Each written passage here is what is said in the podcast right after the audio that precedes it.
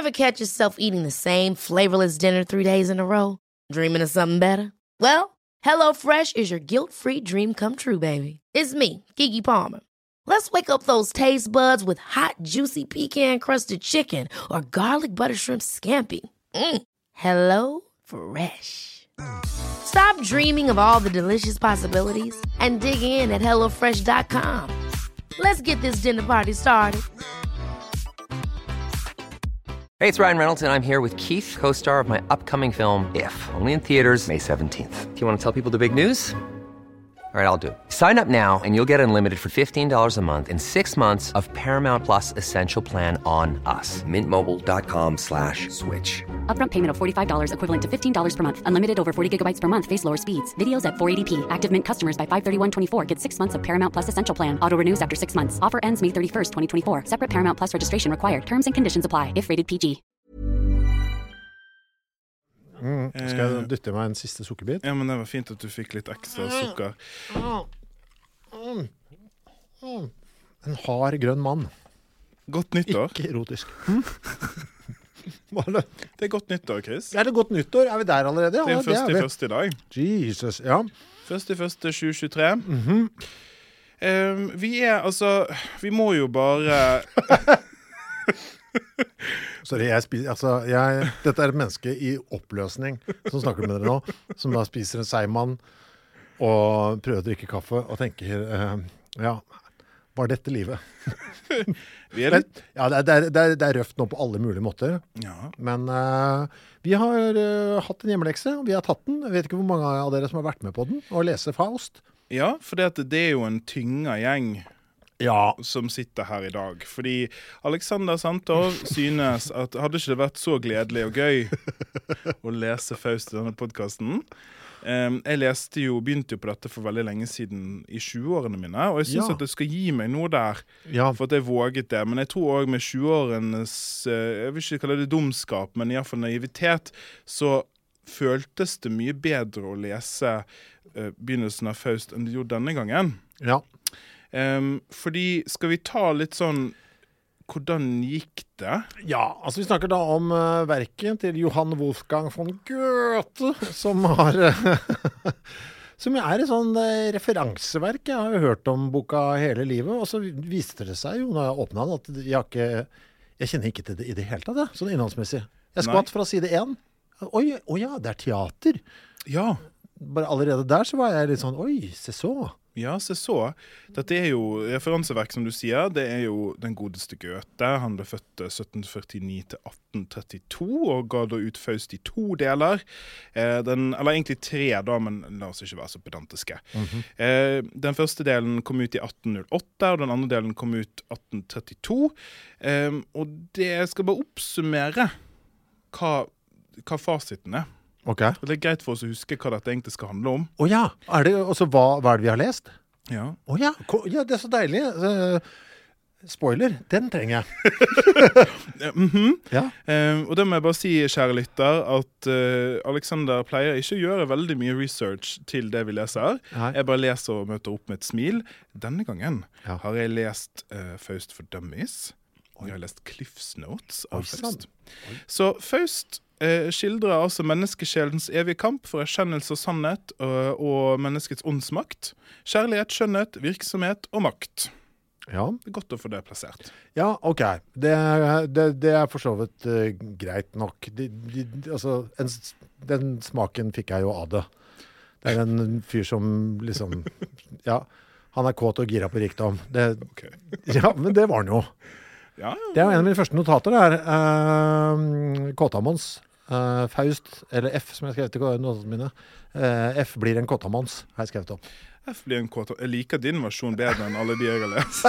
For det er noe av det første som skjer. Men ja, vi kommer jo dit. Vi kommer dit. Um, altså Det gjelder altså den lærdes utslukkelige erkjennelseshunger. Så det er fint å få det plassert òg. Ja. Uh, og jeg tror dette er litt greit å bare sitte ståa litt, fordi at dette er jo et, et verk som um, har nok krevd mer av meg Av meg også. Enn det jeg har blitt krevd av verk på veldig lenge. OK, si det sånn. eh, vi skal jo ta Ja, vi kommer Vi kan bare spørre med en gang. Altså, jeg ble Jeg mista jo livsgnisten. Mm. Uh, uh, det er to deler her.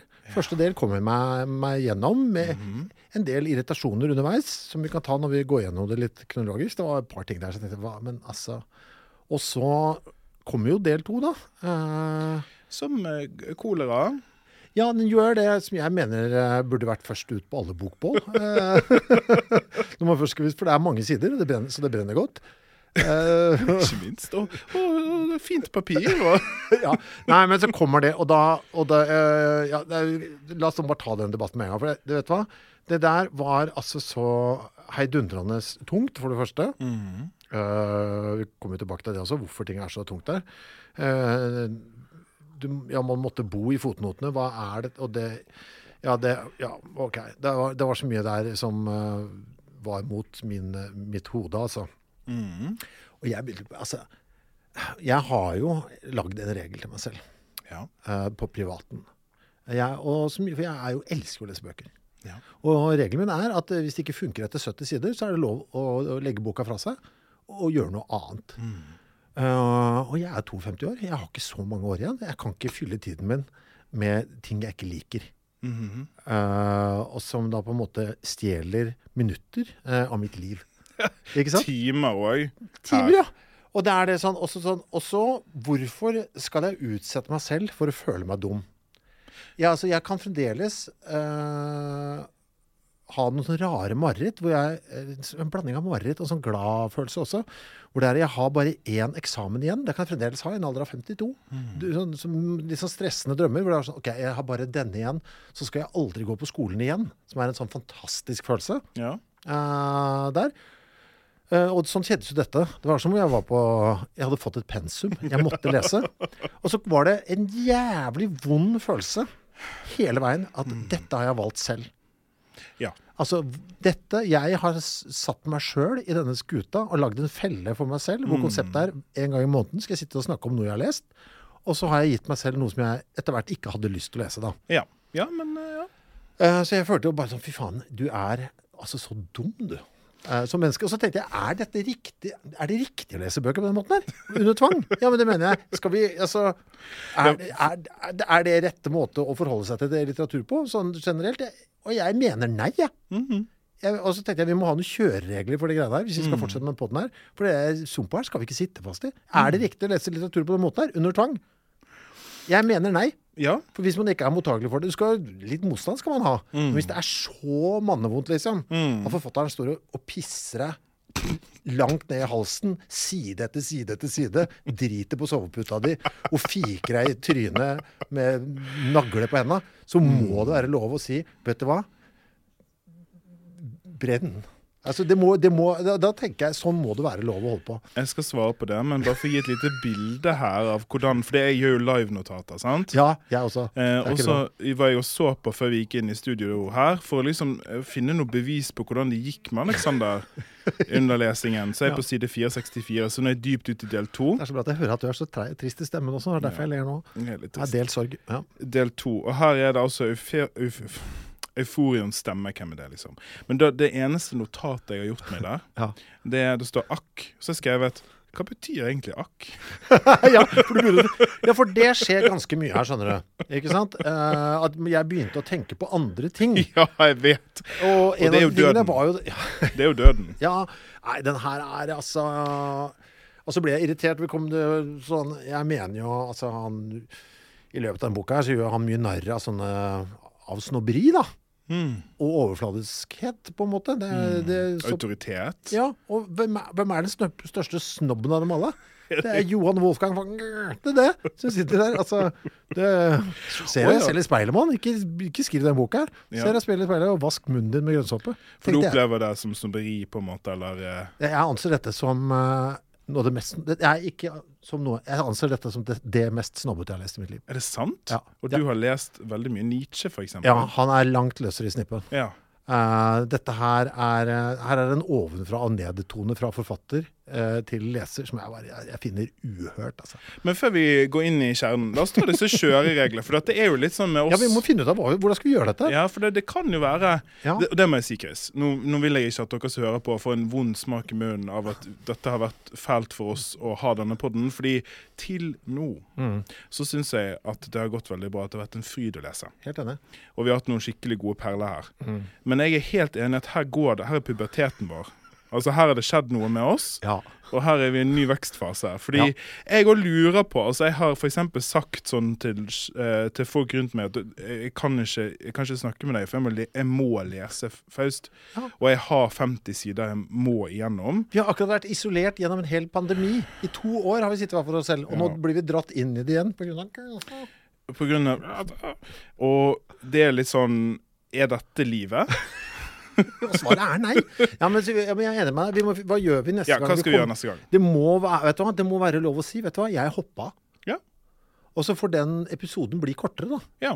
Og jeg må også si til de av dere som har lest der ute og fått masse ut av del to her, det syns jeg er fett at dere har gjort.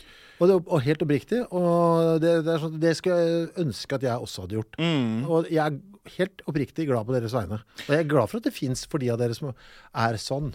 At det fins for dere. Ja, Det skal også sies. Dette er litt viktig for meg, fordi at dette har jo jeg lest meg opp i. Du brukte ordet eksamen i sted. Ja. Jeg har jo vært bekymra for at jeg skal til eksamen i dag, Ja. med noe som jeg ikke har forstått Ja. og ikke kan. Eh, og det, det som må være i, i, opp i muntlig eksamen til tysk, og så vet ikke du tysk. Ja. Kan ikke tysk. Men eh, det er visstnok sånn, det skal vi ha med oss når vi skal begynne å snakke, at del én Ja. er ansett som relevant i anførselstegn, mye mer relevant. ja. Og at uh, ofte på sånne litteraturstudier og sånn, uh, så er det del én man leser, Ikke del to. ikke del to. Det er bra. Hadde du, hvis du hadde stoppet med bare del én Ja, og da har du, vet du noe som hadde, del 1 hadde også blitt enda lettere å lese. mm. Hvis jeg for ikke så at øh, Da hadde jeg sett at på en måte slutten av boken nærma seg. Du hadde ikke hatt den samme panikk... Uh, nei, for, nei, for det er jo én ting. No- Skal vi snakke litt om psykologien i å lese ting som er krevende? Ja, da må det i hvert fall ikke være så langt. Jeg har jo gjort det øh, greiene der tidligere. Det har du. Var det i år eller i fjor? Jeg husker faen Jeg ikke. heller. Nei, jeg leste jo gjennom hele Nietzsche, alle bøkene til Nietzsche her. Men da hadde jeg jo øh, ved min side en professor i filosofi. Eh, Så jeg kunne jo spørre ham hele tiden. ikke sant? Så jeg fikk jo kontinuerlig forklaring eh, på alt jeg lurte på. Og det kunne liksom tolke det for meg. Og jeg kunne bare spørre hva, hva betyr det her? Mm. Som jo var veldig deilig. Og da var det mye lettere, ikke sant. For nå har du bare en dimling for Sotra her. Ja, men vi sitter jo ikke sammen mens vi leser heller. Nei, det gjør vi heller ikke. på samme måte. Og var, bøkene var kortere også, Ja. som var sånn trakt. Um, så det gjorde det En ting som jeg har merka litt underveis, er at vi, vi driver jo og Vi sitter jo ikke sammen og leser, men vi sender jo litt sånne ting fram og tilbake. Og det var veldig entusiastisk i Så begynnelsen. ble det helt stille. Så ble det, all, det, ble, det er litt sånn som å date når du vet at forholdet er over, liksom. Fordi i begynnelsen så var det sånn 'Dette er gøy, og jeg elsker det', og sånn. Og så ble det bare døden. Ja, for jeg ville ikke ta fra deg håpet, jeg, vet du. Nei, men det, det, det, det, trenger du ikke bekymre deg for. for det. kanskje du, Hvis du er nå inne i en sånn god sone og koser deg med dette, så kan ikke jeg sende deg kan ikke jeg sende deg klaging ikke sant, og trekke deg ned. Nei, jeg må bare, vet du, du veldig må bare, omtenksomt. ja, du må holde Det kunne hende Det kunne hende. at du satt uh, litt nedenfor skinsen og bare storkosa deg. Jeg har lyst til å si noe om uh, refleksjoner som jeg har gjort meg, fordi Jeg det skulle er ønske jo folk kunne se deg nå, for det er, det er sånn, sånn tristhet over ansiktet som er, som er rørende. er litt skjørt ned. Ja, For jeg, jeg har tenkt litt på dette med Sånn som du sier med altså Nå er vi, vi er godt voksne begge to. ok? Ja. Og det å lese på tvang er ikke en ting som egentlig vi gjør på lenger. Og jeg har regler i livet mitt på at hvis ting ikke Det er jo samme med serier og sånn. Mm. Hvis det ikke fenger meg, så bruker jeg ikke tid på det. For det er så mye fint å nyte der ute. Og da ble jeg litt sånn liggende der og reflektere over hvordan det føles for meg å stå i motstand der jeg føler meg dum. Fordi det kan du si om meg. Det er mye kritikk av Alexander, men jeg er nok ikke dum. Nei. Men jeg har følt meg så jævlig dum, Chris. Ja. Og det er sånn, øh, Vi skal inn i det, nå må vi snart hoppe inn i det, men en av tingene som gjør at jeg føler meg dum her, det er at jeg skjønner at det handler om noe. ja. Ja. Jeg forstår at det er noe, noe bak dette her, ja. men jeg får fader ikke tak i hva det er. Nei. Men det er faktisk noe som jeg får tak i mye mer i del 1.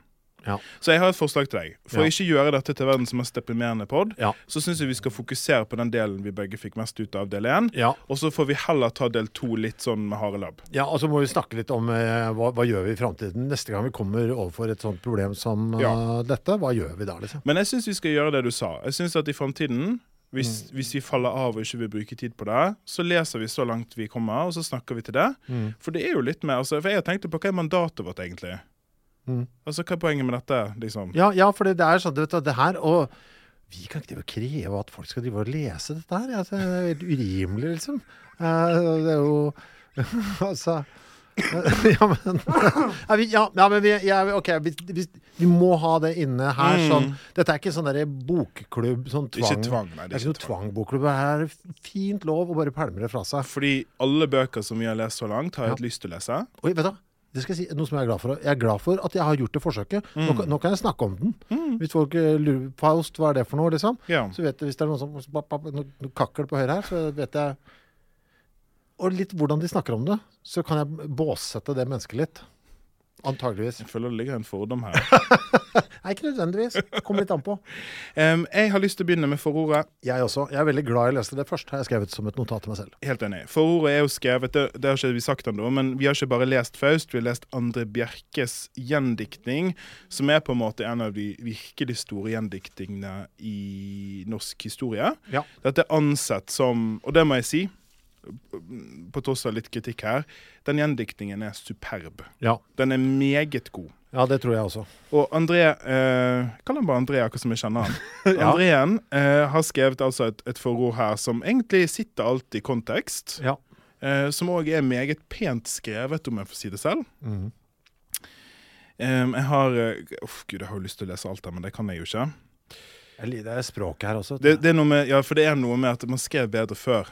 Han praler av å besidde en slik visdom at han efter hukommelse vil kunne Sånn. Det er litt, Ja, sånn er det. Ja. Eh, jeg, kan jeg lese litt? Ja. Ok. Uh, så, så det han gjør nå, nå sier han noe om renessansemennesket, som er Faust, da. Uh, som er karakteren vi skal lese om etterpå. Og liksom sitter det i kontekst. Så her er det altså.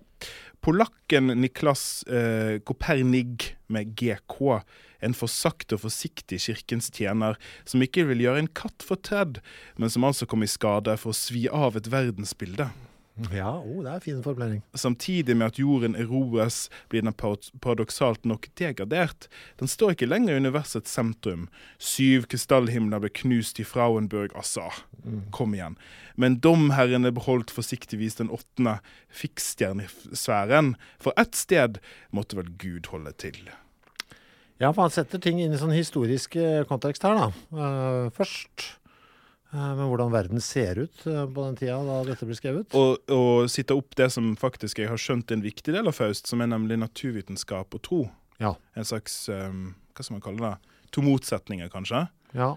Og det er jo, det kommer jo også fram i forordet. Faust, altså det er jo basert på Det er en historisk skikkelse, ja. Ja, og det var jo veldig overraskende. overraskende. Og, så jeg ble, her ble jeg kjempeglad. Vi har jo den andre podkasten vår, 'Tingenes tilstand', mm.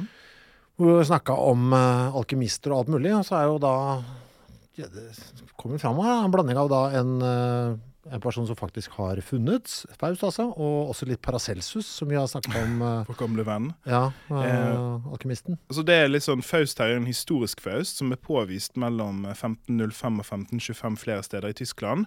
Eh, som skal være kjent med da Det står et sånt navn her, det er veldig fausks her.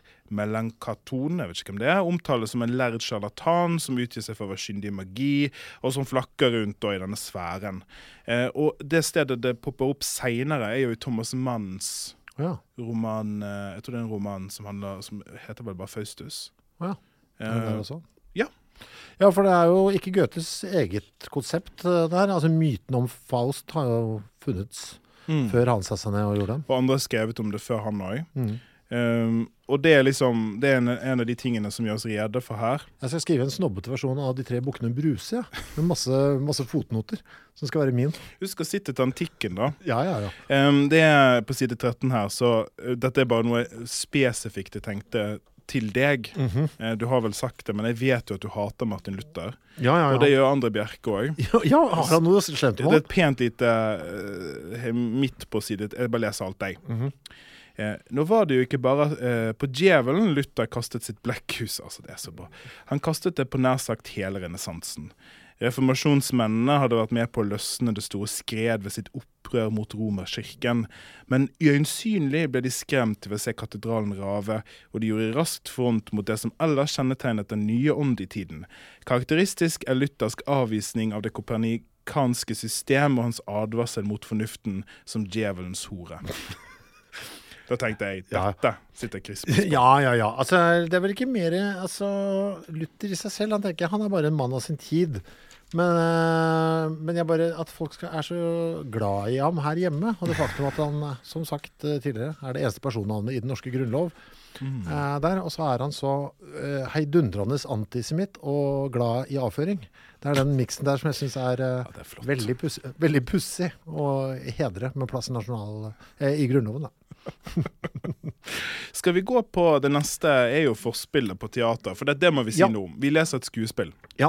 og vi leser et gammelt skuespill. Ja. Og det var en ting, da skal jeg bare før vi begynner, nå må jeg ta en liten pause her, fordi det slo meg her hvor lite skuespill jeg leser. ja. Mm. For jeg syns, Du har jo skrevet masse manus sjøl, ja. så kanskje for deg er dette litt lettere å lese? Ja, det tror jeg faktisk. Ja, For det jeg er jeg ganske jeg vant til å lese manus. Som Ja. replikker hele tiden. Ja. Det jeg syns er vanskelig med det, det er jo at uh, vi, blir, vi får jo ikke vite hva som skjer, vi blir fortalt hva som skjer. Mm. Uh, og der en roman skildrer handling, så her er det sånn Å, se, nå hopper han opp i luften! Skjønner du? Ja. Så du må liksom, du må leve veldig i teksten, da. ja. Eh, og så er det jo sånn at den er bygd opp som et skuespill med intermessoer og forspill, og det er masse sånn jævla kor hele tiden som jeg ble grønn av. ja. Men vi begynner altså med et forspill, så vi har ikke begynt på selve skuespillere. Nei. Nå er det masse folk. Tea eh, direktøren, eh, teaterdikteren og gjøgleren har en slags Hva vil du kalle dette? De har en diskusjon, og der, der syns jeg faktisk Den syns jeg var dritinteressant. Ja, for den skjønte jeg. Ja, og, jeg, og, jeg, og for meg så var den også da ikke sant? for De skal da sette opp noe, noe nytt på teatret. Eh, direktøren vil ha noe uh, på teatret, og så er det da en diskuterer han da med teaterdirektøren og gjøgleren hva, hva slags type ting skal vi sette opp. Teaterdirektøren vil at det skal være noe sånn ordentlig seriøst, sånn bla, bla, bla. Gjøgleren vil at det skal være noe lett for å For folket. Ja, ikke sant? Mens uh, direktøren tenker liksom hva er kommersielt riktig. Så den derre evige rundgangen der, seriøsitet, underholdning, business. Mm.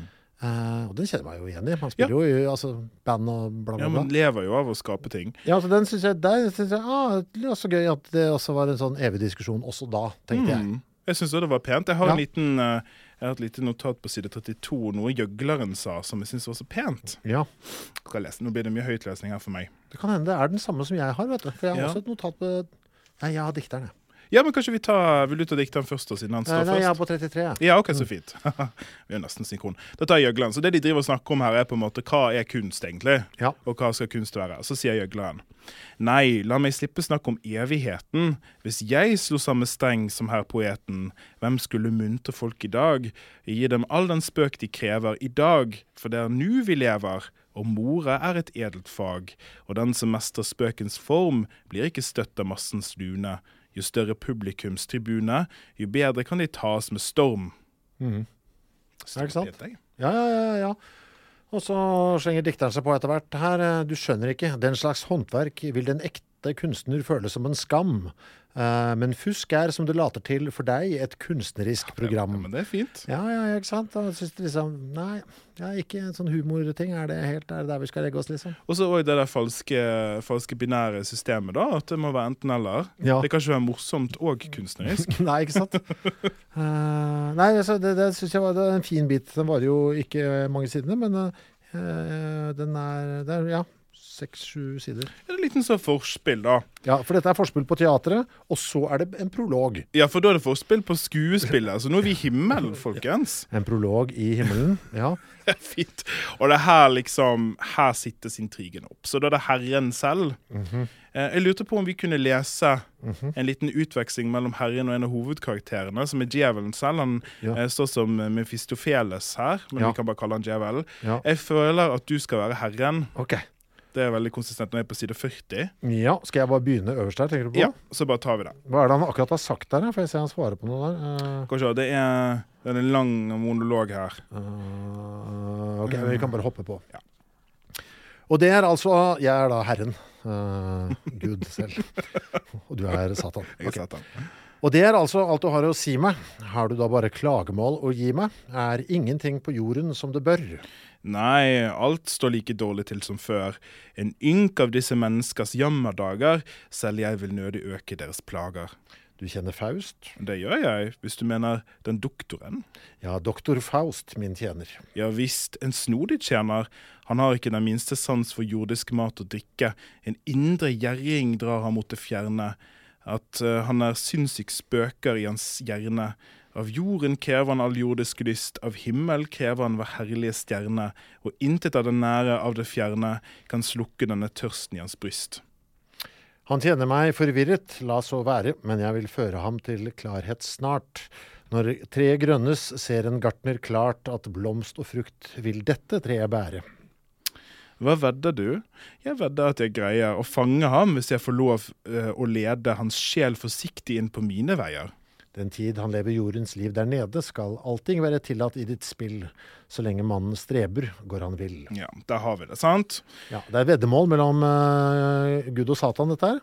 Og ikke bare det, det er, uh, de, de sitter premisset veldig, og dette tror jeg overså litt ved første lesning. Ja. Men det ble veldig tydelig når jeg gjorde research etterpå, at her er det denne teksten handler om. ja. Sant? Det er Gud og djevelen, det de representerer, og at Faust som karakter blir satt i midten av to krefter her. Ja. At uh, Faust da på en måte, Her sier jo djevelen sjøl at han er rar, altså en snodig tjener, og at han er sinnssyk spøker i hans hjerne. Vi møter han jo her ganske snart og får bekreftet at det går ikke så bra med Faust. Og så sier Herren at nei, men jeg har troen på dette rare vesenet. Ja. At du skal få gjøre alt du vil, og friste ham på alle mulige måter. Ja. Og det er jo litt sånn med, med menneskesjelens uransakelighet, på en måte. ja. Ja, jeg syns jeg er god, jeg. Ja, men ja, nå syns jeg det, ja, Nå er du jeg synes, Nå uh, Ja, nei, vi kommer til det. Jeg til Jeg syns bare han ikke binder det godt sammen på, på slutten der. Skjønner du hva jeg mener? Jeg synes han Se, hva, nå kaster jeg noen ting opp i luften, og så vet Jeg, jeg syns ikke han samler trådene godt. Eh, Altså som, han som i Goethe. som i Goethe, ja. Ja, men jeg har jo fått følelsen av at du ikke er en Goethe-stand. Nei, men likevel det er sånn som har, etter å ha vært gjennom en del manus sjøl, da, opp gjennom der, så er det et eller annet Ja, det er ikke sånn som vi ville gjort i dag. Det er det ikke. Nei, men Nå, vi må hva? En tekst fra Ja, det var ikke engang cliffhanger dette her. Jeg har bare kastet noe Gud, for eksempel. Farlig fraværende her resten av, resten av Ja, boken. Han ville jeg dratt inn igjen. Ja. Eh, På et eller annet tidspunkt. Skulle ikke Nå er veddemålet gjort. Ikke, det burde ikke være en liten Men er ikke det liksom Guds, uh, Guds eh, prerogative, på en måte, å få lov å være så fraværende? Jo, kanskje hvis man begynner å se på det sånn. Ja, kanskje det egentlig er genialt. Uh, men jeg glemte altså jeg hadde, Fram til jeg leste det igjen nå, jeg glemte at han hadde vært med. jeg. Så fraværende var han der. Ja. Men jeg da tyta meg gjennom resten. Ja. Jeg, jeg så ikke, jeg overså en del her. Ja. Og så er det altså Nå bare da, er jeg der jeg skal. Jeg vet ikke om du har noe mer i den eh, prologen der. Nei, for det, det begynner jo da uh, for alvor med det som de kaller tragediens første del. Natt. Mm, eh, ja. Og her er det, bare for å gi dere, det er jo noen sånne scenehenvisninger her som skal gi deg det du trenger for å forstå hva som skjer. Dette er altså et trangt, gotisk rom med høy hvelving. Faust sitter urørlig på stolen sin foran sin pult. Og her blir vi kjent med Faust, og det som egentlig er problemet til Faust. Ja. Du, dette må du forklare, for du sendte meg jo, husker du det? Du, var, du sendte meg sånn ha-ha, du er Faust. Ja. ja, det har jeg skrevet opp her. Eh, Faust er deg, med utropstegn. Altså, For Faust er jo da uh, en eh, Han er jo tilknytta akademia på et eller annet vis. Vitenskapen. Ja. Og er er lei av det. Ja, og ikke bare det, man får ikke noe ut av det. Nei, nå er det, nå er det greit. Han vil ha noe magi inn i, inn i hverdagen. Det er jo deg! Altså, som jo har jo sluttet eh, Ja, jeg livet på tilber jo ånder hver dag. Jeg og tilkaller Satan og Ja, men i hvert fall, du vil i hvert fall ha noe liksom mer Ja. sånn Vet ikke, noe uforutsigbart og fargerikt inn i Det, Men det er veldig sant. Ja, så jeg, jeg, jeg følte liksom Ja, at det var deg her. Og det er noe litt sånn der, det som jeg faktisk òg tenkte litt på, det er at Faust er jo ikke akkurat ordknapp i sin lidelse. Nei da. Eh, for her er det monologer på monologer med hvor fælt det går, og det er jo, er jo litt meg. kan jeg ta ja, Jeg skal altså, si at på dette tidspunktet Mm. så er jeg ganske begeistret for- eh, når jeg leser her Jeg på side 45, eh, bok, altså selve teaterstykket har for så vidt bare så vidt begynt. da. For det første så ser jeg deg her, ikke sant? Blir glad for det. Jeg klarer å koble dette inn mot folk jeg kjenner i den virkelige verden. Og så har jeg vokst opp i et teaterhjem. Ja, Fatter'n er jo skuespiller, så Mm. jeg har jo vært på teater fra jeg var fire. for du, dere ble dratt med. På alt. På alt. Uansett, hvis fatter'n spilte noe, så var vi og så det. Og Ja. da var det jo mye tungt og traurig der, så Mange monologer. Ja. Jeg tror jeg var bikka 30, for jeg godtok at Ibsen var uh, dramatiker, eh, og ikke torturist. uh, ikke sant? Altså, og, jeg, jeg har sett mye fæl Ibsen og fæl Shakespeare. Jeg ser deg som Åse. Oi sann! Oi sann! Ja, men jeg er så vant til en sånn der, ok, et tom scene hvor det sitter en fyr Ja, ja, med en dildo foran seg, og så skal det være hele forestillingen. Skjønner du hva jeg mener? Sånn eksperimentell Ibsen-ræl. Ja, men sånn piss. Det var jo sånn det var på 70-80-tallet. ikke sant? Det skal være så spennende alt mulig Ja. eh, der. Men samtidig også sett jævla mye bra. Ikke Ja, sant? har jo forma deg sikkert, da. Ja, jeg har sett kjempemye bra også, men jævla mye dritt. Mm. Men det jeg alltid har likt, er jo uh, teaterrommet. Ja. Altså, jeg liker så godt det derre eldgamle rommet Mm. som ser veldig fint ut. Og så er, alt er jo juks, ikke sant? For det er jo liksom det er pappmasjé og falma gullmaling som ser fint ut fra lang avstand. Jeg liker hele der, den dobbeltheten av det rommet. Mm. Og så med en gang du går bak scenen, for jeg har alltid fått lov til å gå og besøke fatter'n bak der, liksom.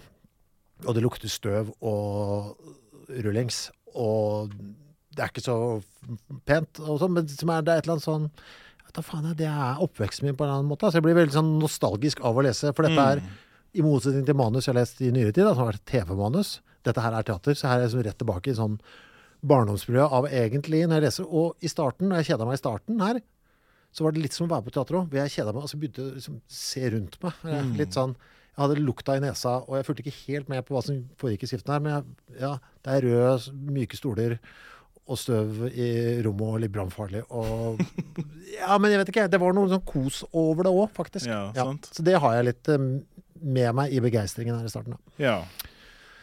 OK, sorry. Nei, nei, det er fint, fordi jeg har jo ikke det. Nei. Um, vi må jo ikke glemme at jeg har spilt Per Gynt. Har du det? Å ja. Hvor, hvor da? Jeg har jo, for dette er jo noe som Ja, det vet du kanskje ikke. Det er ikke så mange som vet dette. Men jeg har jo på en måte Hvis ikke du har merket det, Mm. så har jo jeg et snev av dramatikk i blodet. Ja, ja, ja. ja. ja, ja. Og jeg er jo født med det.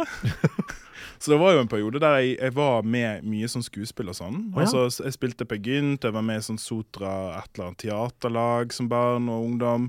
Så jeg har det i meg. Var du selveste Per Gynt? Ja, jeg var det på, men det var på skolefremvisningen. Ja. Jeg husker ikke så mye Du har av vræla mor du lyver eh, på et eller annet Ja, ja, ja, og liksom Var det derfor du mente jeg var mor også?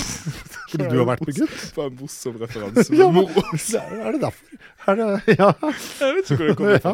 Men uansett. Um, det, uh, Faust sitter seg sjøl godt opp her i begynnelsen, og jeg tenker vi må lese litt av dette. ja. Ja, og så er vi på akkene. Akkene for meg, mm. altså AKK, det er litt sånn Jeg syns det er litt vanskelig når det er mye akking. ja. Men uansett, her sier han Akk, nå har jeg i all min tid studert med iver og nidkjær flid juss, medisin og filosofi, og også dessverre teologi. Jeg arme narr er like klok som før jeg leste første bok. Jeg kalles magister, ja, doktor sågar. Nå er den tiende år jeg drar studentene rundt efter nesering, på kryss og på tvers, opp, nede og omkring. Jeg vet bare dette, at intet kan vites. Det er som mitt hjerte må søndagslites. Her er det jo her er det ganske tydelig òg, og det er gøy, liksom. Det syns jeg, da. Han, jeg synes det er gøy at han har dratt studentene rundt etter nesering. Det er så tydelig. Og han er lei, liksom. Ja, og det er noe med at han har ikke fått Altså Dette er en, en person sier selv jus, medisin og filosofi, og dessverre teologi. Det er jo litt gøy, da. Ja. Men altså, dette er en mann som er verdensmann, som har lest mye og kan mye, men finner ikke tilfreds, tilfredsstillhet i det. Nei. Og er lei og livslei og livstrøtt, og søker etter mening. Jeg syns også det er jo Ja, ja OK, det, det skjer mye her. Det skjer mye. I begynnelsen har jeg veldig mye notater, men det er kanskje også fordi at jeg var litt sånn uh, blid. Ja, han uh, maner jo fram en djevel ganske tidlig her også. Ja, så Det første som skjer, er jo egentlig at han, han eh, For å få mening, da, så, så begynner han å tilkalle noen ånder. Ja. Så dette er jo tydelig også, altså Dette er jo fantastisk litteratur. Det er jo, ikke, det er jo overnaturlige ting her. Mm. Vi har møtt djevelen og Gud uh, allerede, og det er masse ånder og greier inne i bildet. Jeg har et, uh, Han har jo en, en venn, Wagner. Ja, han syns jeg er veldig interessant. Ja, Veldig spennende. For han er jo skal vi si, det er en kollega er det så? Av Faust. Nå, altså, nå begynner jeg å tvile på alt jeg tror, vet du. For det er en kollega, ikke sant? Jeg tror det. Ja. En annen lærd. Ja, Du ser på meg som om jeg vet det! ja, ja, men plutselig nå, plutselig, nå har jeg fått så lav selvtillit vet at jeg blir usikker. Ja, men han uh, elsker jo livet. eh, på det akademiske liv. Mm. Altså Han bare kan Det kan ikke leses nok og Nei. fordypes nok, og mm, mm, mm, så han trives, stortrives der. Uh, ja. Ja. Og det er liksom, Han kommer tilbake igjen. da, Det er jo en del sånne flytende karakterer. De, de driver og veksler litt på meningen med livet her, og, og Wagner er fornøyd, og kunnskap er livet. Ja. Og Faust er misfornøyd. Det som er jævla synd her, er dette vet du, for det, Nå hopper jeg rett til konklusjonen på alle, hele boka for meg. Oh, ja. For det var noe jeg satt og tenkte på når jeg var ferdig. Det er det jeg syns var interessant i denne boka. her. Er det den handler om. Er, det er Wagner og Faust. Altså den, eh, Mm. det der, for det er sånn Dette er konflikter jeg kan kjenne meg igjen i. ikke sant? Jeg har jo lyst til å døtte i meg all den informasjonen jeg kan få. Mm.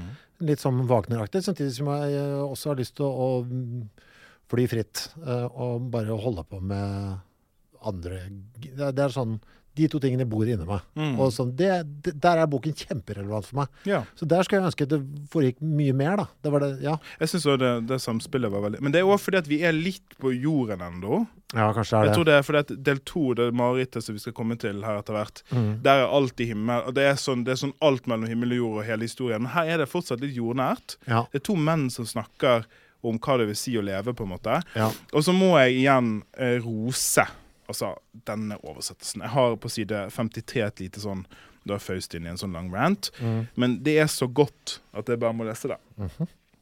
eh, midt i det. Man løper jo sin vei ved første blikk. En eh, søppelbøtte og et pulterkammer. I høyden litt forlåren dramatikk. Med leveregler nyttig og smykke, som passer godt i munnen på en dukke. Jeg syns det er pent. Jeg syns det er veldig uh, altså Her er det, vet du. Uh, jeg er på side 55. Når Faust har en sånn Han sitter jo på dette kontoret sitt, da, ikke sant? Er ikke denne vegg med høye skap og hundre hyller selve støvets fengsel? En verden skapt for møll er alt det skrap som fyller cellen min til trengsel. Kan det jeg savner finnes her? Det, altså, det, er, jo, det er jo kontoret mitt hjemme. Jeg må skjønne hva jeg mener. Eh, Det er vegg til vegg med bøker og det støv og altså En verden skapt for møll, eller er alt skrap? Ja, ja ja, og det er faktisk der, på side 55 jeg, um, Du bruker jo ikke Facebook. Nei. Nå lurer du på hvor vi skal. Ja. Men uh, jeg, jeg har jo, Facebook har en sånn fæl funksjon, en minnefunksjon, Ja. hvor du får se sånne ting du skrev for ti år siden. Og da er det et sitat herifra Oi. som jeg skrev når jeg leste Faust for 15 år siden. Oi sann. Kan jeg lese det? Det, Er det sier, cirka her i boka? det er akkurat her. Det, det er i den remsen med tekst. Ja, kom igjen. Eh, og det sier noe om hvordan det gikk med meg på denne tiden. Dette var det jeg hang meg fast i da. Ja. Jeg er en orm som roter rundt i slam og spiser støv til den betrådte ihjel i samme støv av vandringsmannens hæl. Det sitatet det sendte jeg ut på Facebook for 15 år siden. Og da mamma Nå bindes det sammen her. Han dramatikeren som, snakket, som bodde inni deg, som du snakket om. La meg bare sitere Faust for å fortelle hvordan jeg har det. Ja. Mm. Ja, det var nå en liten cameo der fra Facebook. Nei, og så kommer nå englene, da. Det er Ja. mange kor av engler og kor av kvinner og ditten og datten her. ja. Syns ikke det er så spennende, nei. Nei. Hvis det er lov å si. Uh... Og så er vi ja, nei, så er vi ute utenfor byporten. Det er ikke så spennende, det heller. Det er en harelabb her som er helt unydelig. Uh, um, det kom jo fram her på et eller annet tidspunkt at uh, er det faren til Faust var en uh, alkymist. Ja. Det synes jeg var litt uh, spennende her. Det er en dialog mellom Wagner og Faust, da. Uh, hvor det kommer fram der at uh, For det er han, Faust blir stoppet på gata, og folk uh, er veldig glad for å se ham, da, fordi de føler at han er sønnen til han som reddet de ut av knipa og sånn. ja, for ikke det er pesten? Jo. Jeg trodde at han ja. reddet de ut av pesten. Og så kommer faren Det er litt sånn gøy i teksten her at ja, det er, Faust mener jo sjøl at faren var bare en sånn humbug-dude som bare solgte En som drev med, var å selge håp. Altså Han hadde ikke noe konkret å drive med, han var bare en Mm. alkymist. på en måte. Mm. Han kan godt hende ha tatt livet av flere enn de han redda, liksom. Ja. Så det er litt sånn komisk at Ja, jeg synes det var litt sånn up to speed, da. Ja, og Eh, renessansen òg, sant? ja, at liksom vi er Med tanke på når boka er skrevet, så er det Mm. liksom Oi, det var ganske tidlig å Opplysningstiden. Ja, det var liksom Det var på, på ballen, føler jeg. En ting visstnok, bare litt sånn vis-à-vis det, Mm. det er at Goethe selv skal ikke ha vært så veldig troende. Nei. Det kan jeg tro. Ja, kan du det? Fordi at dette er jo Gud og djevelen og sånn. Ja, bare litt fordi han uh, i det hele tatt omtaler det så, så fritt. Jeg vil Ja. tro at de mest troende på den tida der ikke tulla så mye med teksten. Og så må jeg bare si en ting før vi går videre, for djevel kommer snart inn her. Ja. Det er at djevelen er jo den beste karakteren. Ja, ja, ja. Helt klart. Eh, Jeg har en liten Så, så eh, på side skal vi se, før djevel kommer, på side 76, Mhm. så sitter altså den godeste Fauste ned, misfornøyd, drita lei livet, ingenting i mening, og nå har han funnet sitt prosjekt, og dette kjenner jeg meg veldig igjen i. Ja. At det er liksom Det som skal redde deg, er det nye prosjektet, hvis du skjønner. Ja. ja. ja, ja. For, hvor er det? for, er det? Nå er jeg på side 76. Han sitter seg ned for å oversette Bibelen. Ja. Som man gjør. Jeg bare har en lang sekvens jeg må lese. Vi higer efter en åpenbaring som aldri med skjønnere lys var tent enn i Det nye testament. Dets grunntekst har jeg trangt å ta fatt på, så jeg kan få den oversatt på mitt kjære tysk. Ja, det er bra. Nå vil jeg overføre Guds original så godt det lar seg gjøre. Og så kommer det. Det heter I begynnelsen var Ordet. Jeg står alt fast. Hvem hjelper meg på sporet? Så høyt kan ordet da umulig settes. Det må jeg gjengi bedre, det må rettes. I lys av ånden som gir Guds forening. Det heter i begynnelsen var mening. Nei, første linje må betenkes nøye, så ikke pennen går seg vill i aften. Er mening skapermakten i det høye? Det bør stå i begynnelsen var kraften. Men noe sier mens jeg skriver dette, at også det bør gjennomgå forvandling. Nå hjelper ånden meg, jeg ser det rette, og skriver i begynnelsen var handling. Altså, da skjønner du Fy faen, hvor god han er til å oversette. Han, eh, hvor god han er til å gjendikte dette her. Han er flink, ass. Og så meta, for her skriver Bjerke om problemet med oversettelse mens han oversetter en av de vanskeligste tekstene i europeisk litteratur. Ja, det er fint, altså. Jeg bare tar neste Ja. linje. Hør puddel, hvis vi skal dele rom, så hold opp å vræle. ja, og jeg syns det er ganske komisk at uh, Djevelen Satan kommer i puddels form her. Ja, for det er en puddel som kommer inn her på gaten, som er da Det er helt unødvendig at det er en puddel. Han kunne bare vært der med en gang. Fordi den, den bruker ikke Jeg syns ikke Goethe bruker puddelen godt nok. Oh, ja. Jeg syns det skulle vært mer pudling. Eh, mer pudling. Ja, for nå, når har, nå hadde du satt den opp så godt. Hvorfor er det ikke Hvorfor er ikke Satan mer puddel enn det han er her? Ja, men hva Misbruk. mener du med puddel? Nei, Han dukker jo opp igjen en støtt og stadig. At han burde ta den formen Ja, ta ganger? puddelformen mer. Det er bare en sånn lite, bare sånn liten sånn kort, eh, kort karriere som puddel. Jeg synes han burde Nå, har, nå er du innpå noe. Ja. Goethe, kom igjen. Ri puddelen. Det, det var et notat jeg hadde. Det står et eller annet sted i boka her. Ri Ri puddelen. Ja. Ja, for det, nå skjer det. Nå kommer vi til greia. Nå Ja, nå kommer vi til selve storyen. Nå kommer vi til storyen. Og litt kritikk at det skjer på side 77. Det er Ja, litt ja, ja. seint. Altfor lenge siden. Alt for lenge til. Men nå kommer djevelen, da. La-la-la. Ja, og så blir og Han skal la Faust få oppleve uh, det han vil, holdt jeg på å si. Ja, for hva er det han frister han med? Hva er det med? Altså, Det er en lang Nå blar jeg og blar. Jeg vet ikke om dere hører det på, på mikken her. Ja. Men det tar altså hva er det, 100 sider med fristelse, hvor, hvor Først, hvis jeg husker det riktig, Mm. så syns ikke Faust at djevel er noe særlig. Det Nei. er bare sånn, Gå vekk. Ja. Du har ikke noe å komme med. Jeg har opplevd alt, så liksom det er ikke noe for meg her. Ja. Og så driver djevelen og Faust i en sånn slags dialog som også er en meningsdialog, og uh, kommer fram til hva er det djevelen kan friste en mann som Faust med. Ja. Og det er liksom um, Det er det resten her kommer å handle om, tror jeg. Hva er det Faust kan fristes med? Og det er uh, Hvordan kan man si det på en, uh, en måte som ikke har 18-årsgrense uh, der? Det involverer kukamang. Ja, det gjør det. Og Fitorini.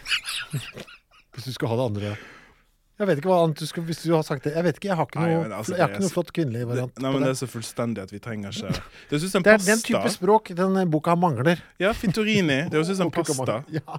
Eh, det er jo òg på side 89 her eh, Det er bare en liten sånn Mhm. ting som jeg kunne godt ha sitert for 15 år siden på Facebook. eh, så er det livet selv blitt meg en pest. Jeg hater det og finner døden best. Eh, skal vi se her jeg har, uh, Det skjer ikke så mye i mine notater. Ja, i hvert fall, han blir jo uh, Hvor fort, hvor lang tid går det før han skal liksom inn og, og begynne på damebusinessen Ja, sin? sant? Når det begynner? Og for det her har jeg altså her, hva, hva er, Skjønte du noen gang Margrethe Gretchen-koblingen der? ja, det står i en fotnote. Hva er det? Det er samme person. Ja, hvorfor? Men hvorfor står det begge deler som Nei, det er kjempeforvirrende. For det står, Av og til står det Margrethe, så, står det, så sier det noe, og så, og så er det refereres til, til Gretchen. Ja. Så, og, faen, hold. Hva faen det er vitsen med det? Det er dårlig håndverk, syns jeg. Dårlig håndverk, ja. Dårlig håndverk, det er jo stryk. Altså det der, altså Hvis jeg prøver å skrive noe, et manus sjøl i final draft, så er det på meg som en ugle. Bare, Nå må du bestemme deg. Ja, ja, ja. Det, er- det, det er jo helt elendig. Også unødvendig. Per Gynt Per Gynt sier Per Gynt, Per, Gynt, per, Gynt, Per Gynt. Og så- Du- du- Birger Arnesen. Nei, det er også Per Gynt. Det må du Jeg vet det forvirrer, men det er Per Gynt, det òg, bare. Og så ikke det òg en karakter som heter sånn. Det er også en karakter som heter Margrethe eller annet. Det er Ja, Martha det er to eller m-er, det er Martin ja? Alt ligner, Nei, liksom. men du kan ikke Nei, ha to dårlig. navn på det samme! Hva faen er det? Jeg ble, jeg ble lynings. Faen, har jeg misforstått noe? Jeg var helt på panikk. Nå er det egentlig enter, men, men nå ble jeg dritforvirra. Vet du når jeg skjønte det? Nei. Alt for, det er på slutten av del én. Det er når hun er i fengsel. Så er jeg sånn, Hvem faen er denne damen i fengsel? Når vi kommer til den biten der, da har jeg faen meg jeg har ikke, Da har jeg ikke en høne å plukke med. Jeg har, en- altså, jeg har en hel gård med høns Å plukke. plukke med Goethe. Fordi- Ja, men da, da bare, da bare ja, for der er jeg, Hvorfor i helvete er du altså, det, Hvorfor dreper hun ungen sin? ja, Helt kom, altså. Plutselig er du i fengsel, og så bare forklar altså, Og broren bare 'du er en hore, og nå skal du dø'. Herregud. OK, vi kommer dit. vi kommer dit Uh, Skal vi komme til OK, så jeg må Vi Nei, det er, det er dårlig. Du, det, der, det, det slipper jeg ikke, altså. Det, der, det nekter jeg faktisk å gi meg på. Det er, det er elendig, er det. Hva er Altså, det? med det Margrethe Gretchen-greiene. jeg syns jeg syns jeg ty- jeg jeg vært tydelig nok på hvor dårlig det er. Jeg syns du er tydelig. Ja, for det, det, er jo, det er jo sjukehus!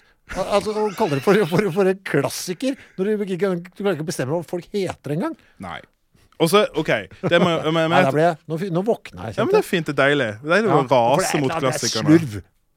Ja, er det det? Ja, det er faen meg slurv. Eller er det en mening? Nei, det er, han har sikkert en eller annen mening med det, men da er det slurv å ikke la oss forstå meningen med det. For det, det har jeg tenkt på, Chris. Det er at dette i teater får mye og vet sikkert noen, vet du. Det er liksom noen der ute som vet. Som, Ja, ja, som klart skjønner det. at det er jeg, jeg trekker tilbake. Jeg er den dumme. Jeg er den dumme. Jeg er greit, jeg er dum. sa han Helt med fint, helt fint. Fordi på teaterform så vil jo vi som publikum se den samme personen, sant? Dette er et godt poeng. Det er et godt poeng. Men jeg, jeg syns det er unødvendig for leseren. Fordi det, når det tar meg, som Mm. sitter der og desperat prøver å forstå hvem er disse to personene, så lang tid, og måten jeg finner ut av det på, er en fotnote, Ja. så er jo det litt dårlig. Eh, og da er vi jo på det første jeg har skrevet med capslock eh, i mine notater. Ja, Og det fint. er 'Jeg vil heller se dette enn å lese'. Mhm. Og det er jo nettopp av grunner som det. For jeg tror det har vært lettere å ta inn over seg, i hvert fall i del 1. I del 2 så er jeg usikker på om det i det hele tatt kan reddes. Det eh, var reddes. kaos med del 2. Ja, for da skjønner hvem for da må, Du må sånn- vite hva folk heter for å vite Ja, er hva de sånn- mener. Og det er sånn random folk som ikke har noe med saken å Ja, hvis det er en som heter Sult, uh, ikke sant? Ja, det er jo det. Ja, ikke sant? Og da, da gir replikken mening, fordi du vet hva rollefiguren Ja. Har de skilt på seg, eller hva faen? Hvordan løser de det? Ja, men, for det er jo hele poenget. Ja, ok. Men i hvert fall, hvis jeg hadde sett Jeg føler at dette kan Det kan nok funke som teater, altså. Det kan jeg Det se. kan funke som teater. Ja. Så deilig at du, du kommer med det. Ja. Eh, er vi på Jeg blar litt sånn fordi eh, vi skal jo egentlig til Vi må til den Gretchen-tingen, for den Ja. er en viktig ting. Jeg har litt sånn ting underveis, men jeg trenger ikke ta alt, da. Nei, jeg bare ser det. Det, men kan jeg, jeg, jeg må, nå er jeg på side 102. Jeg må bare ta en ting. Ja. Som jeg syns var meget pent. Mhm. nå, er det nå er det litt sånn Dette er nok en Kanskje ikke Ja, det har jo noe med poeng, men, men djevelen har kledd seg ut som Faust, ja. som allerede er litt forvirrende. Og uh, det er en student, en ung student, som kommer og spør om råd. Stemmer det. Det var litt kult. Det er litt fint. Ja, du, da, for da, da syns jeg også at det var gøy, ikke sant? For da skjønner man Det er ikke Faust som gir rådet nå, det er djevelen utkledd som Faust. Ja, sant? Og han har en finne- agenda. Hva kan han finne på av bøll? Mhm. Og snakker liksom eh, ned alle disipliner, Ja. eh, men later som om det er et råd. Som er litt sånn vanskelig tekstuell ting å få til. Mm. Eh, og da er det eh, Her kan jeg bare vise deg. Se hva jeg har skrevet der. Eh, Et hjerte, ja. Ikke sant? Ja, men her er det gøy. Akkurat her er det gøy. ikke sant? Det er det som er så bøllete her. Ja, Det er jo Djevel sånn- er den gøyeste Ja, men. Det er som i dealer, ikke sant? som gir deg litt grann uh, high grade crack uh, mellom eh, fem doser fentanyl. Det er Oi! liksom, Ja, det er akkurat det samme. Det er ingen forskjell. Det um, eh, Jeg skal ikke lese alt, men han driver også og snakker ned logikken om hvordan logisk orden Jeg, må lese. Kan jeg lese? Ja, les, les. Ja. de vil få lære rett og slett at slik som før var like lett som det å spise nå må skje i logisk orden. 1, 2, 3. Hva denne tankefabrikk formår, det er som når mesterveven går. Et enkelt trykk har straks berørt, et utall tråder oppe nede, flyr, skyter frem, og allerede er tusen tråder sammenført. En filosof beviser her at alt må være som det er. Punkt én var slik, punkt to var slik, og derfor tre og fire slik. Forsvinner én og to, og vil tre og fire vips forsvinne med. Slik verdsettes høyst av alle elever, uten at det gjør sin mann til vever. Mhm. Det er pent. Ja, det er det. For her sier han noe om at Altså, han snakker opp logikk til studenten, men det han egentlig sier, det er at det å forstå logikk gjør deg ikke til logiker. Mm. Altså, det å forstå veven gjør deg ikke til vever. Mm. Det syns jeg er pent. Ja. ja. Ja, men det er det. Så det er mange Jeg skal ikke ta alt, men Nei, det, det er fint her. Ja, men det, ja. Eh, Og så blir jo disse ikke sant, Satan og fast ut. Han skal ut i verden der og blitt uh, gode busser. Og så drar de rett på pub. Eh, det jo ja, du, unnskyld, du mener Auerbachs kjeller i Leipzig? ja, det er der jeg mener. Og der fikk jeg mitt sånn første sånn alvorlige møte med fotnotene i boken, som er fyldige. Eh, det fikk jeg på side 115. Okay. Uh, djevelen Altså, han sier da kan, jeg, kan, jeg få, kan vi få lov å slå oss ned blant dere når vi ikke kan få en drikk her som går an? Vil selskapet behage oss dess mere? Så svarer en fyr som heter Altmaier. «Eh, De er en meget bortskjemt mann. Så sier Frosch. De brøt sent opp fra Rippach. Hva min herre kan hende hos herr Hans og spiste aftensmat? Og så svarer um, Satan da, ikke sant? Og så må jeg, slår jeg bare opp i fotnotene. Ja, er det noe på fotnotene her? Og så står det her, da. Eh, de brøt sent opp fra Rippach. Hva min herre kan hende hos herr Hans og spiste aftensmat? Rippach er en landsby mellom Leipzig og Naumburg. Dens innbyggere ble av leipzigerne ansett for å være meget enfoldige.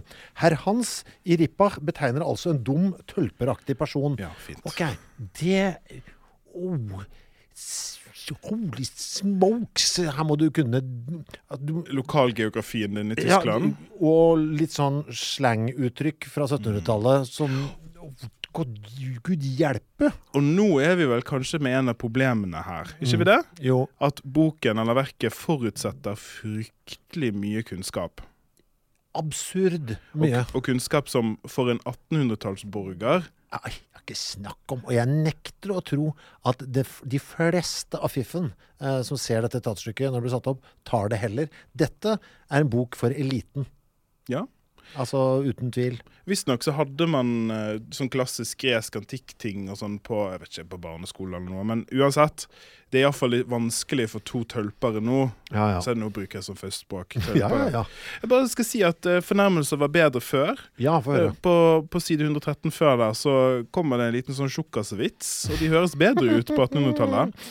Eltemeyer sier altså Hør tjukken med den blanke skallen, han har blitt mild av motgang, vel. I råtten, svullen, fet og fallen ser han et bilde av seg selv. Tjukken med den blanke skallen. Det. ja, det er flott, Ok, Nei, de drikker, og det er godt lag, bla, bla, bla. Ja. Heksekjøkkenet ja, det var der nå, ja. Ja, nei, jeg vet ikke om det jeg har ikke uh, Nei, jeg har ikke egentlig skrevet så mye. Nei, Altså, det- jeg, det jeg som har skjer- noen notater her og der, ja. Altså. Men Det som skjer, er vel at hun der heksen brygger et brygg, Ja, og så drikker Faust det. ja og, så, og så blir hun kåt. Eh, er det ikke det? Er det ikke der han blir kåt, da?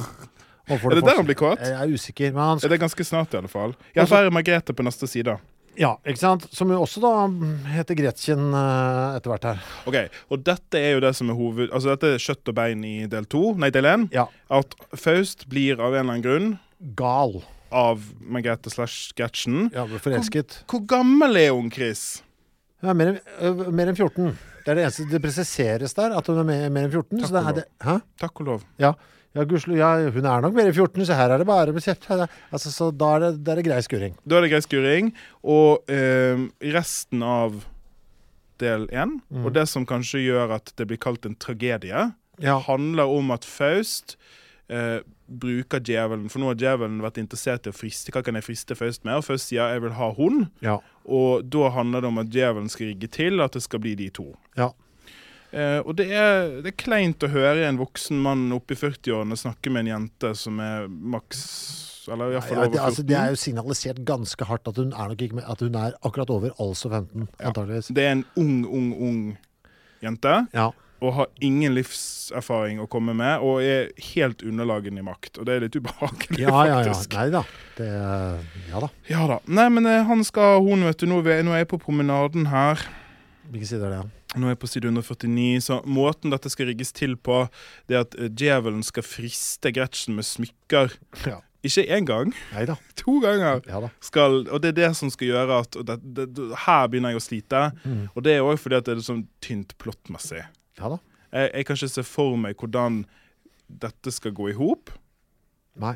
Først, nå er det for hukommelsen, så vil ikke hun ha smykkene, for hun skjønner at det er noe Ja, ikke sant. Det kommer ikke til å ta seg ut, og så mora tar de. Er det ikke det, ja? Fordi, det er vel det. fordi at øh, hun ikke vil Ja, så Ja, skal ikke ha noe Plottet vil at ikke hun skal ta det på første forsøk. Ja, så, Så- ja, så. Så her er notatet mitt på side 152. Andre smykkeforsøk. Ja. Ja det ordner seg jo, altså hvis, du, altså hvis man er på Fausts lag her. Ja. Så det blir jo Vanskelig å heie på han. Ja ja, nei det er ikke noe like med han. Uh, så så det, det blir jo opplegg der. Ikke så eksplisitt sagt, men Men det eh, kommer vel etter hvert til at det skjer ting. Ja. Fordi uh, altså, det, det snirkles inn her mer og mer, og hun er altså Gretchen eller hun her er liksom skeptisk. Og, og folk advarer henne og sånn, dette må ikke du finne på, det er ikke anstendig og sånn. Og først gir seg ikke, og djevelen spiller på lag. Ja. Ehm, og det, ja, nei, det er kleint ubehagelig. Ehm, skal ikke, jeg blar, jeg, som en galning. Et lysthus. Ja, jeg er langt eh, Jeg er helt oppe på side 200 og noe, jeg nå. Og du har hoppet så langt? Ja, det er neste gang. Altså, jeg bare hadde Det er sånne småting da, som jeg Ikke sant? Altså, som ting som jeg klarer å sette pris på underveis her. Uh, altså, jeg er fremdeles Jeg er jo nysgjerrig på hvor skal dette ende her. Mm, altså dette opplegget. Du har investert? Jeg har investert fremdeles her. Men det er en forfatter uh, der, som på side 215, som snakker om det å skrive. Da. En bok som byr på litt forstand og vett, for ingen leser nå om dagen. Og aldri har man før i tiden sett en ungdom som har vært så uoppdragen. Så tenkte jeg ok, ja, ikke sant. Ja, det, det er de samme tingene. Universaliteten, Ja, liksom? som jeg liker der. At liksom, ja, Da også så drev folk og sa ah, det var så mye bedre før. Ikke sant? Uh, ja, alle disse tingene her kan jeg jo like. Ja. Folk var kåte og jævlige og drakk seg fulle på bar og lurte på hva du skulle bli i livet og mente at ting var bedre. Altså, at, at tralten bare går og går, det syns jeg alltid er litt sånn litt Fint. gøy, da. Mm. Jeg har, det er eh, fint, vet jeg ikke, men jeg synes i hvert fall det er interessant. Ja, ja, nei, men her må vi ta det vi får, tror jeg.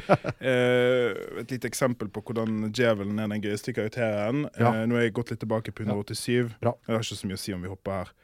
Eh, fordi altså, Gretchen Ja. En av grunnene til at hun ikke hopper på Faust-toget, Ja, det er at Faust ikke er kristen. ja det det er er, sant. et, det er et riktig. alvorlig problem. Ja. Og så spør hun sånn Ja, men du er ikke kristen, og så prøver hun å lure seg ut av det. Han, skal, han, han innrømmer ikke at han ikke er det, men han klarer ikke å si at han er det. skjønner du, og hun plukker opp det. Så da går hun med litt sånn tvil, og så kommer med Fistofeles med denne replikken. Gikk tullemor? og det er mer, da. Faust, du er igjen spion. Og så kommer djevel. Jeg hørte alt. Herr doktoren har fått eh, litt eh, katekismuseksaminasjon. Jeg håper det har gjort dem godt. Ja, det er noe pikebarnet liker, at man er from. For er man først en dott for Gud, er man det også for småpiker. Og så Faust, ditt monstrum. Det er godt han sier det der. Alle dere pikepreiket. Det er så Det er så, det er så hardt. Det er røft. Det er så hardt. OK, Uh, ok, nå, nå skjer det noe, endelig. Nå er jeg på side 198. Nå kommer vi til uh, klimakset. Mhm. Ok, Så det som har skjedd nå, det er at Gretchen Mhm. og Faust har uh, Hva, hva, hva kan man si om det er pent? De har Pult. hatt det, Ja. Ja. Mm, mm. De har det vi sa som barn var onking. Jo, Sa dere det? Onking? Det ordet er så rart. Det har ikke jeg hørt engang. Nei. Nei. Eh, men OK, de har, ja, de De har begge to har kledd av seg forneden. Og, og, og stikket det ene inn i det andre. Ja. Eh, Men dette har skjedd uten at vi har på en måte sett det. da Dere må ikke tro at dette er et porr. Men vi har skjønt at det har foregått. ja, det er faktisk lett å overse, nesten. Ja, det er jo ikke det. før hun får barn at jeg skjønner at det har skjedd. Ja. Men, Og det er her liksom ting rakner. Så nå kommer Valentin som er broren til Gretchen. For dette her som har skjedd, det er jo stygt. Ja, ikke sant. Ja, hun har jo gjort det grusomste en kvinne kan gjøre. Å få barn. Ja, og blitt besudlet av en mann eh, Ja. uten giftermål og så. Og, og den er jo med moderne blikk veldig vond og vanskelig å svelge. da. Mm. At dette uskyldige barnet som har blitt helt og holdent utnyttet av en maktposisjon, skal være den som har gjort noe galt. Ja. Men OK. Eh, og så skjer det at eh, så, så dør han broren. Han ble drept her ute på åpen gate. Og er det Faust? Ja, nei, det er ikke Jo, er det Jo, støt til, ja. Det er vel han som gjør det. Og det, det er røft. Jeg må Det bare er lese. djevelen som får liksom han til å gjøre det. Ja, eh, og det er røft fordi Valentin, da, han broren til Gretchen, eh, altså eh, sier jo helt er forferdelige det ting. falsk som gjør det? Jeg syns det er litt sånn diffust. Jeg synes det er litt diffust. Her sier Valentin til Gretchen da i denne konfrontasjonen Men hør da et fortrolig ord. Er du nå engang til hor, så vær en ærlig tøs. Ja. Eh, og så går dette skikkelig dårlig. Eh, han kaller hun til og med et koblemerr. ja. Og så avslutter det med denne fine replikken. Parentes dør. Altså han dør. Eh, ja. Han sier jo mye stygt på Ja, til sin søster her. Jeg syns det er fælt. Eh, med én har du begynt ditt spill i smug, men flere kommer til. Altså Hun har ligget med én dude, altså. altså det er ja. Faust. Og da sier han, hevder han dette, da, broren til henne, liksom. Med én har du begynt ditt spill i smug, men flere kommer til. Snart har du tolv manns brudekrans, og tolv manns brud er allemanns. Ja, sånn. Ja. Det er kraftig ned. Ja. Han sier òg 'din koblemerr fikk jeg dengt opp din magre, gamle horekropp'. Så ble det avlagt nok til at jeg fikk for alle synder jeg begikk. Altså, det er ja. Det, det blir jo litt matt, da. Hans siste ord eh, til kloden, broren altså, og henne, da. Ingen tårer, er du snill. Det tyngste støt ga du meg, tøs, den stunden du selv ble æreløs. Nå går jeg inn til Gud, parat til dødens søvn som god soldat. Flott. OK, Ja. så blir en ond ånd kommer, og Gretchen blir gal. Ja, Uh, og hadde noen latinske greier og noen greier. Så det er Valpurgisnatt. ja det er sånn uh, Litt sånt intermesso med heksekor og Ja, Uh, Ja, nei, det er hekseria. Altså, det er- Oppi det så syns jeg det er jeg det begynte å lure på en ting. Jeg, men på et eller annet tidspunkt oppi denne heksenatten hvor Faust og djevelen er, da. Blant masse heksefolk. Ja. ja, uansett. Her sier i hvert fall Satan. Her fosser strømmen opp så skummet gyver. Her blir du skjøvet, skjønt du tror du skyver. Ikke sant? Det er en ålreit formulering. Og så da tenkte jeg For da begynte jeg også å tenke på dette med Per Gynt. Hvor mange ordspråk vi har fått fra Per Gynt, ikke sant? Ehm, så mye av det vi sier. Altså sånn, det har gått inn i dagligtalen og blitt sånne ordspråk, da. Mor Åse, for eksempel. Hæ? Mor Åse, for eksempel. Ja, men også jeg på Per du lyver. tenker å gå utenom, sa Bøygen. Ja. Sånn, altså sånn, Mm. det er masse ting som har gått inn i sånn Ikke dagligtalen, men i hvert fall blitt sånne referansepunkter. da. Og da begynte jeg å tenke sånn Blir du skjøvet, skjønt du tror du skyver? Er det så begynte jeg, jeg, jeg prøvde å bli på vakt da, for å se om det er noe ting Du legger merke til. ja, som, er, som vi har tatt ut fra denne teksten, og Mm. som blir brukt sånn nå. Og det hadde jeg som et sånt Den ble vekket til live her, på side 216. Og det, det kom ikke. Nei. Nei, men jeg Eh, prøvde, for jeg ville jo tro at for den der var litt sånn Her blir du skjøvet, skjønt du tror du skyver. Det var litt sånn, det, var, ja, det likte jeg litt, det var sånn ordspråkaktig. Jeg fant ingenting. nei. Ok. Ja, så eh, ja. Uh, natt, bla, bla, bla. Eh, og her begynner det å skjære seg litt for meg. uh, for her kommer sånne ting som en proktofantasmist. Ja. Uh, og her har jeg skrevet 'takk Gud', jeg gidder ikke å si hva det er engang. Det, jo, det er en person som ser ånden med bakenden, så det var fint å få det med. Men her begynner det å ane meg, Chris, Ja, det blir altså at det, det kommer til å bli verre. På side 222. Ja, det er en intermesso. Ja, det er Valpurgisnattstrøm eller Oberons og Titanias gullbryllup. Klassisk. eh, Det er vel Shakespeare, ikke det? Jo. Men da har vi da Da tenkte jeg, hvordan skal jeg Her kommer det. Først så sier maskinmesteren noe. Så sier herolden noe. Dette er i rekkefølge, altså. Maskinmester, herold. Det er ikke noe dialog. Oberon, Puck, Ariel, Oberon, Titania, Orkester Tutti, Solo, Ånd i Vorden, Et lite par, Nysgjerrig reisende, ortodoks, nordisk kunstner, purist, ung heks, matrone, kapellmester altså, det Nye folk hele tida. Ja. Og at du bare sånn Å, fy faen, hvordan skal jeg Og dette Forhenværende tidsgenius, nysgjerrig reisende, trane, verdensbarn, dansende, dansemester, spellemann Eh, Vil du si at det er en forsmak om hvordan del to blir? Ja, det er det akkurat det der. Det er uh, uh, Ja, det er det. Ja. Eh, vi må Vi skal uh, ja. Det er, som, det er litt som at noen sk- prøver å skyte deg i magen med sånn stjerneskudd på, på nyttårsaften.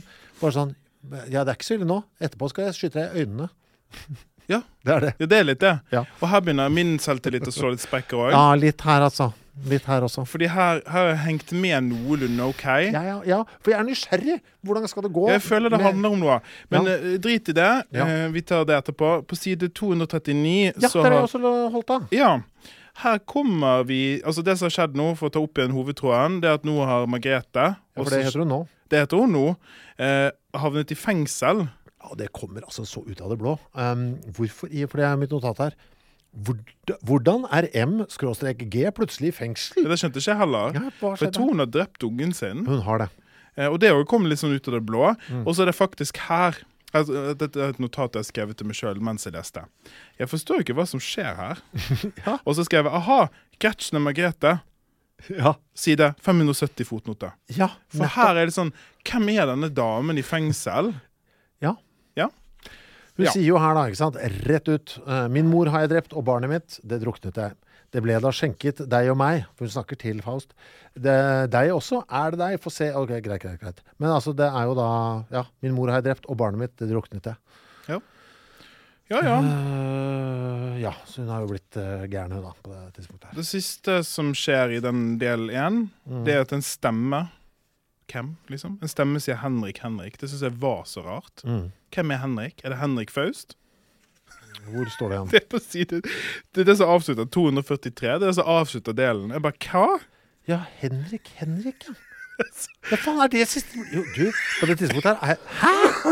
Ja, faen, det er det siste som blir sagt i hele del én. Ja, og jeg bare Hæ?! Hæ? er det Henrik Henrik? Ja, det er Henrik Faust.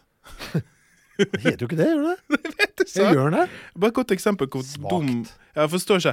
Jeg må bare si unnskyld. Den Nei, Den jeg må kols... Står det i fotnoten, eller?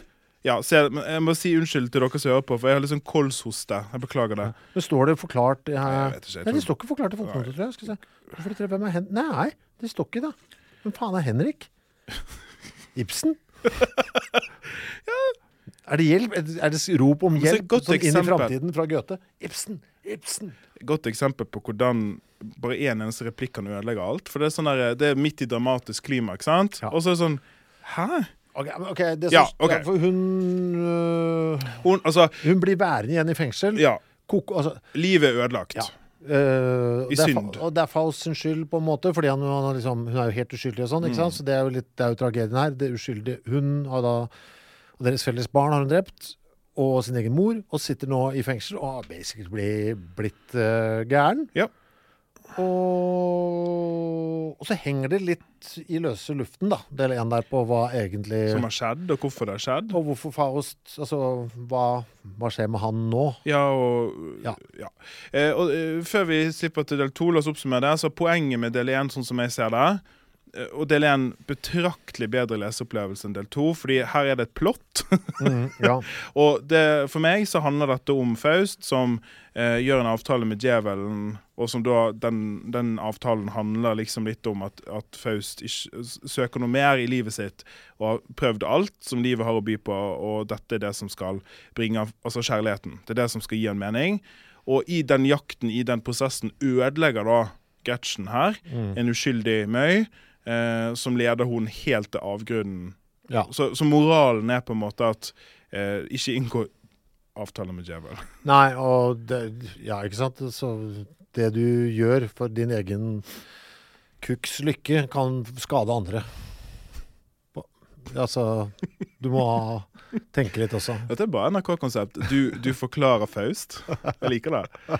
OK, sorgen. Uh, skal vi ta del to, da? Ja, her, fordi- ja. hvis jeg får lov å mene noe her, så syns jeg at vi ikke skal bruke All verdens tid. Nei, fordi dette er på en måte Jeg skal forklare. Jeg har skjønt noe, noen har gjort research, Ja. som kanskje hjelper litt. For det som skjer, det er at del én er mikrokosmos. Ja. Liten verden for folk Faust personlig. Del to er Makokosmos. Nå er vi på fem altså det er fem scener. Er en shakespearsk oppdeling, skal vite. Takk til Cliff Notes. Ja. Eh, hvor i fem ulike scener så møter vi Faust i ulike skikkelser. Eh, så han har ulike roller her. Det er samme karakter, men han er liksom en tollmann i et hoff, og han er liksom midt i antikken og sånn. Og vi hopper i all tid og er alle steder, og alle karakterer nesten er nye i hver scene. Og det som er vanskeligst her, det er at det er hentet fra antikken og klassisk litteratur. Så alt er en henvendelse til masse ko-ko-folk som ingen vet hvem er, hvor du hele tiden er sånn Ny person vet ikke hvem det er. Ny person vet ikke hvem det er. Ny person. Det var min oppsummering. Ja, og man skjønner. Jeg skjønte det egentlig fra the get-go, ja. Fordi man Gjorde merker ja, at, at det var, skulle bli verre enn del én. For det første som skjer Altså, med en gang Altså Første akt yndefullt landskap. Første replikk Ariel. Hvem? Ja, hvem er du? Men så er det fordi um, rent praktisk så er det nå mye lengre linjer også. Altså verselinjene går Det er lengre setninger Mindre dialog, syns før det rimer. Uh, ja, det er det jo også. Um, Ja, ja, så det er liksom Setningen er jo nå Ja, det er, det er lengre og mer vanskelig. Eh, slik blir en håpefylt lengsel gjort til skamme i kampen for det største mål den kjenner. Når ønskets port går opp, for i det samme slår fram fra Ja. dybder uten bunn bla. Hvis jeg oppretter siden av mitt notatet på side 308 Oi, dæven! Jeg ga litt opp inni der. ja, nå var det deil, det var deilig langt oppe. Så hadde du Ja. 308? Tenk, altså Nå skal det mye til at vi har notater på samme side, altså. Ja. For her For her har jeg gått litt inn og ut av det òg, Ja. når jeg har lest. Men jeg vil gjerne at vi tar en liten sånn uh, 308? Ja. Ja. ja! Oi!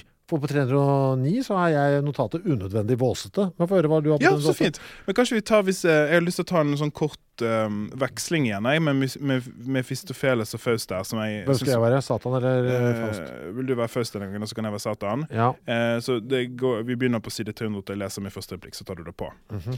Ingen vei, den ubetrådte som ikke må betres, den uoppgåtte for uinnbytte. Er du reiseklar? Det finnes ingen lås hvor enn du leter, du drives bare dit av ensomheter. Har du begrep om ensomheten? Svar.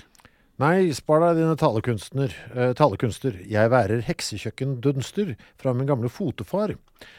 Har ikke jeg latt verden ta meg, og lært meg tomhet, lært den fra meg? Ga jeg mitt syn fornuftig uttrykk, led jeg ikke da den skjebne å slås ned? Min mørke brøde tvang meg til å drive omkring i ensomhet i villnislivet. For ikke helt å leve uten venner, ga jeg meg så til slutt i djevelens hender. Om du så hadde svømt på verdenshavet i grenseløshet langt til sjøs, så hadde du fremdeles synets gave, for bølger selv i undergangens grøss. Du sa da noe, så delfiner spiller på grønne flater som lå havblikkstille. Så jag av skyer solens stjernerommet, men du er blind i dette evig tomme. Du hører ikke skrittet fra din fot, du finner intet fast å hvile mot. Og så kommer replikken som jeg har notert, som, ja, den. som unødvendig våsete. For dette syns jeg da tydeligvis er så irriterende.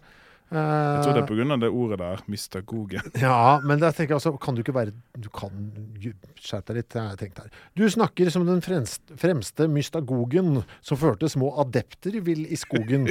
Du gjør det bare motsatt. La meg søke en tomhet hvor min kunst og kraft vil øke. Du gjør meg til din katt, så jeg med kloen skal rake din kastanje ut av gloen. Velan! Vi finner ut hva vi falt i. Ditt intet håper jeg å finne alltid. Siste setning var for så vidt fin, da. Eh, Men eh, ja. Hva er det du reagerer på her? Altså, Bare hvordan, våsete, liksom. Det er bare jeg bare lurer på hvordan har du silt ut akkurat den replikken? Nei, jeg bare, Da fikk jeg nok, ikke sant. Da Da var det bare sånn Nå, nå er det greit her. Eh, Det vi leste først, um, som jeg hang meg fast i, det er at der handler det jo noe om tomhet. da. Altså, Der sier djevelen på en måte at, uh, at uansett hvor du reiser nå, uansett hvor du gjør, uansett hvor jeg finner deg, så har du liksom denne ensomheten, denne tomheten. ja. Og så sier Faust at dette er en fristelse til for deg, eh, men, og at jeg har lært noe, liksom. Men poenget er at eh, til og med når vi flytter dramaet i makrokosmos, når Faust går opp her, så er han fortsatt Faust. Det vil si, det problemet han hadde i utgangspunktet, har han fortsatt. ja. Det har ikke, han har ikke gått av seg. Nei. Uh, nei. Nei, Gud, nå merker jeg at du er litt tom her. Nei da, jeg bare ser Det som skjer her, da, eh, for eksempel Jeg skal jeg langt fram til 346. Ja. Kapitlet 'Klassisk Valpurgisnatt'. eh, Ja. Farsaliske sletter heter dette her. Og det begynner da med en eh, replikk fra Erikto, som vi Ja. ikke har hørt om tidligere. Og jeg, og der har jeg noe, der har jeg mitt uh, som jeg har skrevet i margen her. Ingen hjelp å få fra fotnotene. For der har vi da febrilsk rikto. Hvem er dette? Er dette hvem, er det? Hvem, er det? hvem er rikto? Så slår jeg opp. Trollkvinne fra Tessalia. Hun ble rådspurt av Pompeius før slaget mot Cæsar ved Farsala.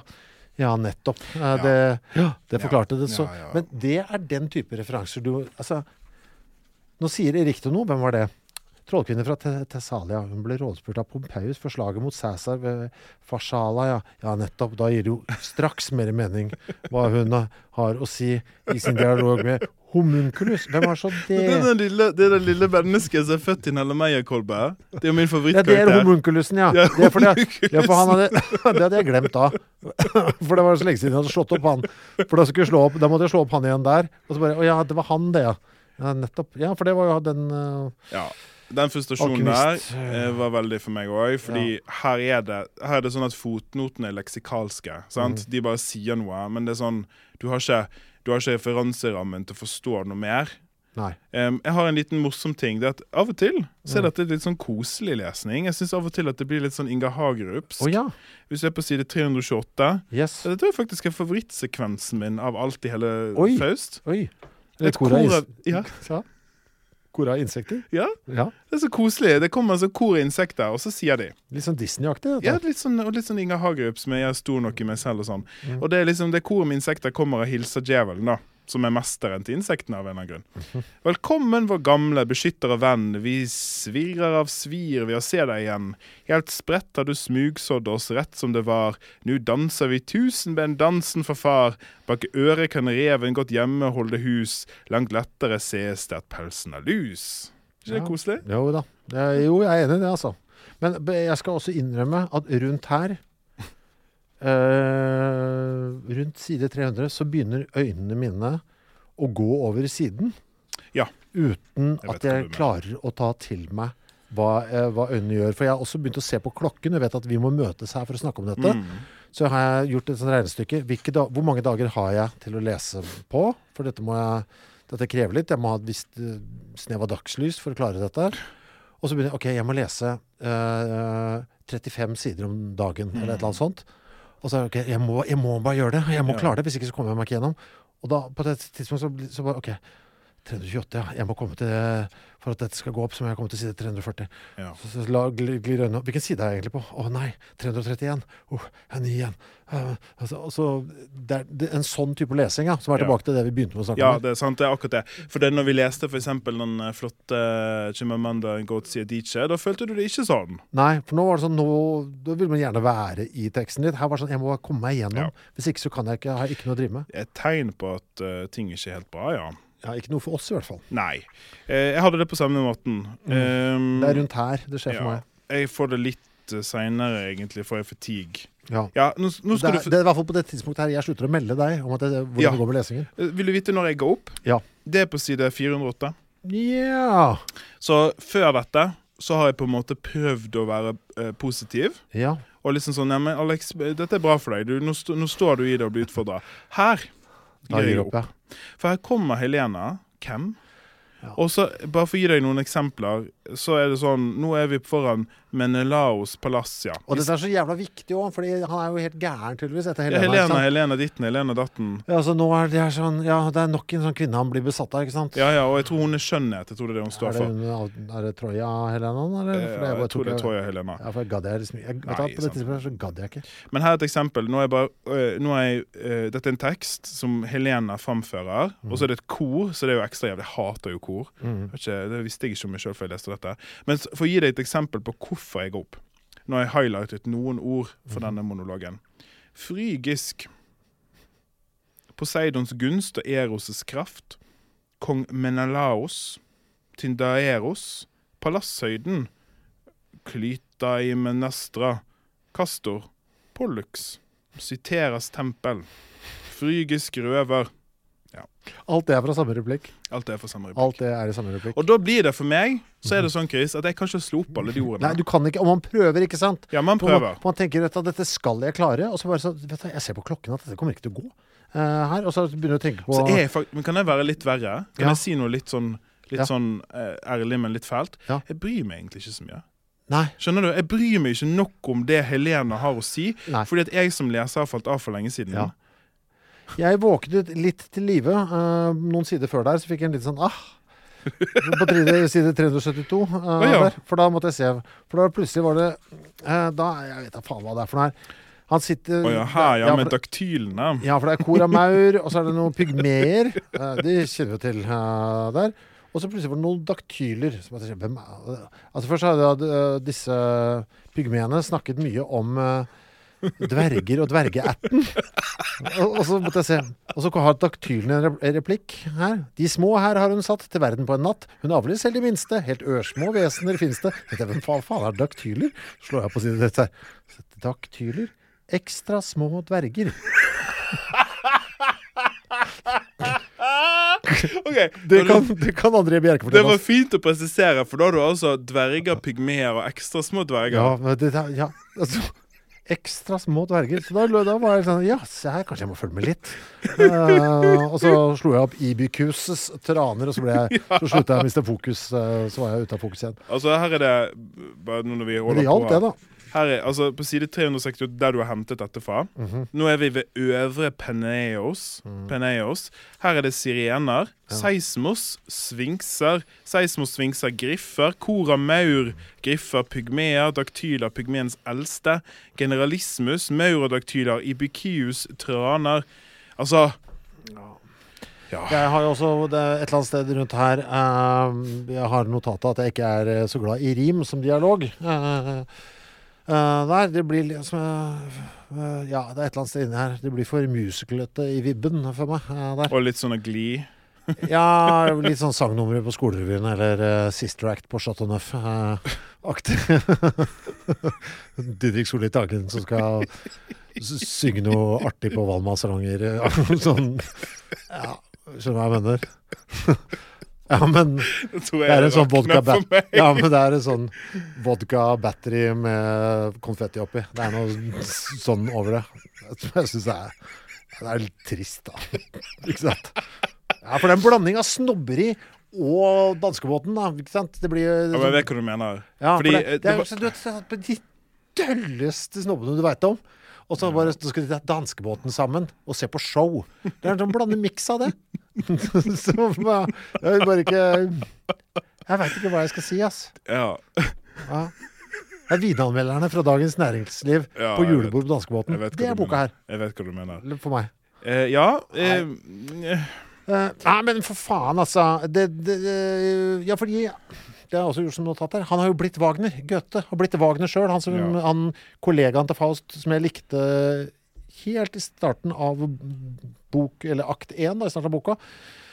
Uh, Wagner, som jo er da han derre fyren som eh, døtter inn alt. altså Han lever bare gjennom det han har lest, og lever ikke i den virkelige verden i det hele tatt. Uh, han bare sitter fast i bøkene, ikke sant. Fast vil ut og leve. Er det greit? Jeg som lytter vil ut og leve. Nei, eller som leser vil ut og leve her. Eh, sånn, please, befri meg fra bokens åk! Det her. Og, for det, og det er jo Og Goethe sjøl er jo eh, er jo han. Er jo Wagner. Så bare, bare, nei, du må ha, du må ha 1000 Du må bo i boka di for å få noe ut av meg. Du kan du, Skal du sette pris på meg, så må du hate livet. eh, For du, det kan du ikke være en del av. Fordi du må, eh, du må lese alt Du må lese alt dette. Ha-ha-ha. Se så dum du er. Du ikke skjønner hva jeg refererer til. Ha-ha-ha. Det er jeg som er Goethe. Du er en nek. Sånn. Det derre pisset der. Det kan, bare, det kan dra til helvete med. Eh, der. Ikke prøv å si Altså, han Jeg vet ikke hva han prøver å si. Han, uh, ikke prøv å si noe som er bedre enn andre ting. Når du så åpenbart setter deg sjøl så jævla høyt, og deg og dine like, liksom. Du har, har ingen rett til det. Det har han ikke, altså. For en pissfyr. ja. Og det skal jo boken ha. At den har fyra meg opp og, og, og tvunget meg til å ta noen valg. Og bare sånn Den, den, den gjort. Det, det, skal, det skal boken ha. Den har tvunget meg til å ta kontroll over mitt eget liv igjen. Og si at vet du hva, Ja. noen ting skal ikke jeg drive med. Og det er jo fint å gå inn i 2023 med Det er ikke så dumt, det. altså. Nei, men jeg- og det mener jeg helt seriøst. Ja, ja. Jeg er veldig glad. Nå vet jeg hva dette er. Mm. Uh, hvis noen kommer til meg «Å, som går- Ja vel. Ta med deg det, du. Uh, uh, ta inn på The Thief. Og, og føle deg bedre enn oss andre, så kan du så det, det, Det-. Det er litt overraskende. Jeg visste, jeg visste jo Jeg hadde en følelse av hvordan dette gikk for deg, men jeg var ikke, jeg var ikke klar over at du ble så provosert. Jeg ble, jeg ble helt du, skal, du, jeg. du vet på et tidspunkt Ok, nå skal jeg vet du, nei, Jeg kan nesten ikke si det. Jeg mista lysten til å leve, jeg. Ja, såpass. Ja, på, på ekte Ja. på et tidspunkt der. Og så var det også øh, Så var det sånn Fy faen, det her Er det dette Hvorfor er jeg helt ute av stand? Har jeg ikke kontroll over mitt eget liv? Hvordan klarer jeg å male meg inn i disse hjørnene? så mørke mørke Jeg tanker. altså så mørke. Og jeg var også sånn Hvis noen sa til meg Du må lese den en gang til. Ja, går ikke. og Det forstå. Ja, den. Og så prøvde jeg å tenke Hvor mange av mine nærmeste ville jeg tatt livet av for å slutte? Tallet er fire. Fire klarte jeg, klarte jeg å tenke. Nei, sorry, ass, men du ryker, ass. Ja. For dette kan jeg faktisk ikke gjøre en gang til. Ja. det er Men, fint å få sagt. og, og det, øh, på en rar måte så setter jeg pris på alt dette. Mm. Skjønner hva jeg mener? Ja, ja. Ja. Jeg synes, uh, Altså Det er litt som å hoppe i Holmenkollen, brekke begge beina uh, og bli blind på det ene. Så bare, ok, ja, men jeg har jo, da skal jeg ikke gjøre det igjen. rekalibreringen Ja, som skjer. og, og jeg skal fokusere på andre ting som er bedre for meg. Ja. um, ja, fint. Er det noe mer du vil si? Nei da, men det rare er jo da som sagt, jeg klarte jo faktisk å få noen nostalgiske vibber Ja. og, også i starten her. Og, og gud bedre all ære til eh, André Bjerke for et Ja, for et eh, åndssvakt eh, godt arbeid. Og han har sikkert storkost seg med å grave i uh, puri, pupus og- daktyler. De, små, og de ekstra små dvergene. ekstra små dverger. For meg Ja. ehm, jeg, jeg har ikke helt havnet i dyp depresjon, men jeg, jeg har ehm, Jeg er glad jeg prøvde. Jeg også. Og jeg er glad jeg sto i det. Men jeg tenker at den følelsen av å stå altså For det er jo litt sånn som du sier, jeg hadde akkurat samme refleksjon litt sånn med, med oss òg. Ja. Fordi at det gjør det lettere for meg at jeg visste at du, var, du led òg. Ja. Skjønner du? Ja. Jeg visste at vi var brødre i sorgen. ja. Eh, men jeg tenker at vi trenger ikke ha den følelsen i livene våre så ofte. Nei. Det er OK å, å fokusere på det som gjør at vi egentlig har denne podkasten, som er at vi har lyst til å like. Altså Vi trenger ikke å elske alt vi leser, Nei. Men det er noe med tvangen i det. For jeg følte at måtte, det var som en slags lekse. Ja, og det skal vi ikke ha. Nei, for det er sånn, det, vi er for gamle for det, på en vi, måte. det, hele konseptet med den podden var at vi, vi begge to er glad i å lese ting. Mm. Så la oss ikke miste det, liksom. Nei, ikke sant? Og, Eh, og kose oss eh, Ja. med det. Så jeg tenker at det vi lærte av Faust, mm. det jeg lærte, og det denne podkasten lærte, det er at når vi skal ha vanskelige ting i framtiden, for det må vi ha, vi må ha Ja, noen vanskelige ting, men det er lov å hoppe av når vi må hoppe av. Ja, og så blir det som det blir. Og så kan det hende at den andre leste resten og fikk noe ut av det. Ja, sant? Mm. Og det er lov. Det er lov, og det må vi huske. Det er lov å gi seg. Ja, fy faen. Det er dritlov å gi seg. Jeg har lyst til å oppsummere, for nå, nå mistet vi litt tråden. Så ehm, altså, hva handler dette om, Chris? Ingen idé. Hva var det du sa? Vodka, Red Bull og danskebåten? ja. Altså, eh, jeg har funnet litt svar, fordi det finnes um, det, altså, det finnes jo egne personer som, dette. som forsker på dette, liksom. Ja. Det, altså såkalte Faust Scholars. Mm -hmm. um, og da er det fine oppsummeringer på at dette er snakk om mennesket og menneskets trang til, til mening. Og det jordiske og vitenskapelige versus det kroppslige, på en måte. At det er der vi er da. Og det, det plukker jeg opp Ja. når jeg vet om det. Ja. Jeg vet ikke om Hvis jeg ikke hadde lest dette, om jeg hadde klart å plukke opp det sjøl. Jeg syns del én er mye tydeligere Ja, på det. jeg, det, var akkurat det jeg likte i starten av del 1. Når du Mm. satte opp med den der Faust og Wagner-greiene. Kan han ikke bare forske ut det litt tydeligere? Ja. Ja. ja. Um, og så, så, så dette er en oppsummering for en ting som jeg har lest. Um, faustisk begjær. Altså, Det er et ord og et begrep som vi har fått herifra. Mhm. Altså, Hva det Faust egentlig vil, er et tema som ikke kan uttømmes her, altså i den teksten som skrives om, eller som eh, overhodet ikke kan uttømmes. Men det er mulig å sitte fingeren på et område av menneskelig erfaring som Faust selv ikke mener at det er verdt å bytte bort sjelen sin for, og det området er nettopp forgjengelige jordiske gleder. Dette er fra en tekst som jeg kan anbefale, som er skrevet av eh, Ole Johan Holgersen, eh, som heter 'Mat som ikke gjør en mett'. Okay. Og i den teksten, eh, dette er veldig morsomt, det er bare en liten ting for å prøve å lette litt på humøret, eh, så skriver han om problemet med et spørsmålstegn. Det er et sted der det finnes et spørsmålstegn som egentlig skal være et punktum. I den, jeg tror ikke den opprinnelige skriften, men skriften som kom etterpå, Oh, ja. og som i norske oversettelser har forplantet seg og blitt tatt inn og tatt ut. Og det ene punktumet versus spørsmålstegn endrer hele lesningen av verket. Av hele boka? Ja, eller mye av boken i alle fall. For Oi. det er når Faust um, Skal vi se eh, det som er i den André Bjerke-oversettelsen, der det begynner, er 'Hva vil du arme djevel gi?' Det er sånn det begynner, der det er et spørsmålstegn. Um, og dette råder da altså over uh, om Faust håner djevelen med sine løfter eller ikke, som er veldig viktig i lesningen av Faust som karakter. Jeg skjønner. Uh, her står det da um, Uh, og det er her i en replikk som er Fausts oppramsing av flyktige jordiske gleder, at den gamle trykkfeilen innfører betydelig fortolkningsmessig forvirring angående doktorens faustiske begjær. Neste gang jeg skriver noe, så skal jeg ha en sånn parentes. Uh, og da skal det stå punktum eller spørsmålstegn. Alt ettersom hva du foretrekker. For å oppnå lignende oppstuss rundt mine egne verk.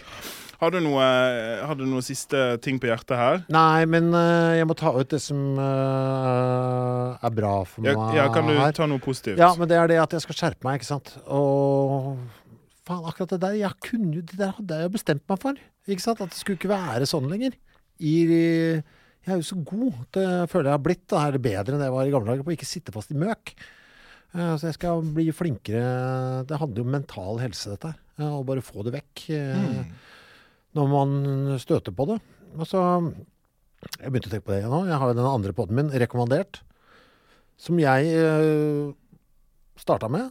øh, fordi øh, Ikke fordi jeg i mitt hjertes godhet fikk det for meg at jeg hadde lyst til å dele viten med verden. Fordi at jeg hadde lyst til å lære noe sjøl. Det er derfor jeg har den. Og fordi det ga meg sånn rom for å få inn en ekspert på et øh, emne. Og så ha lov til å være dum.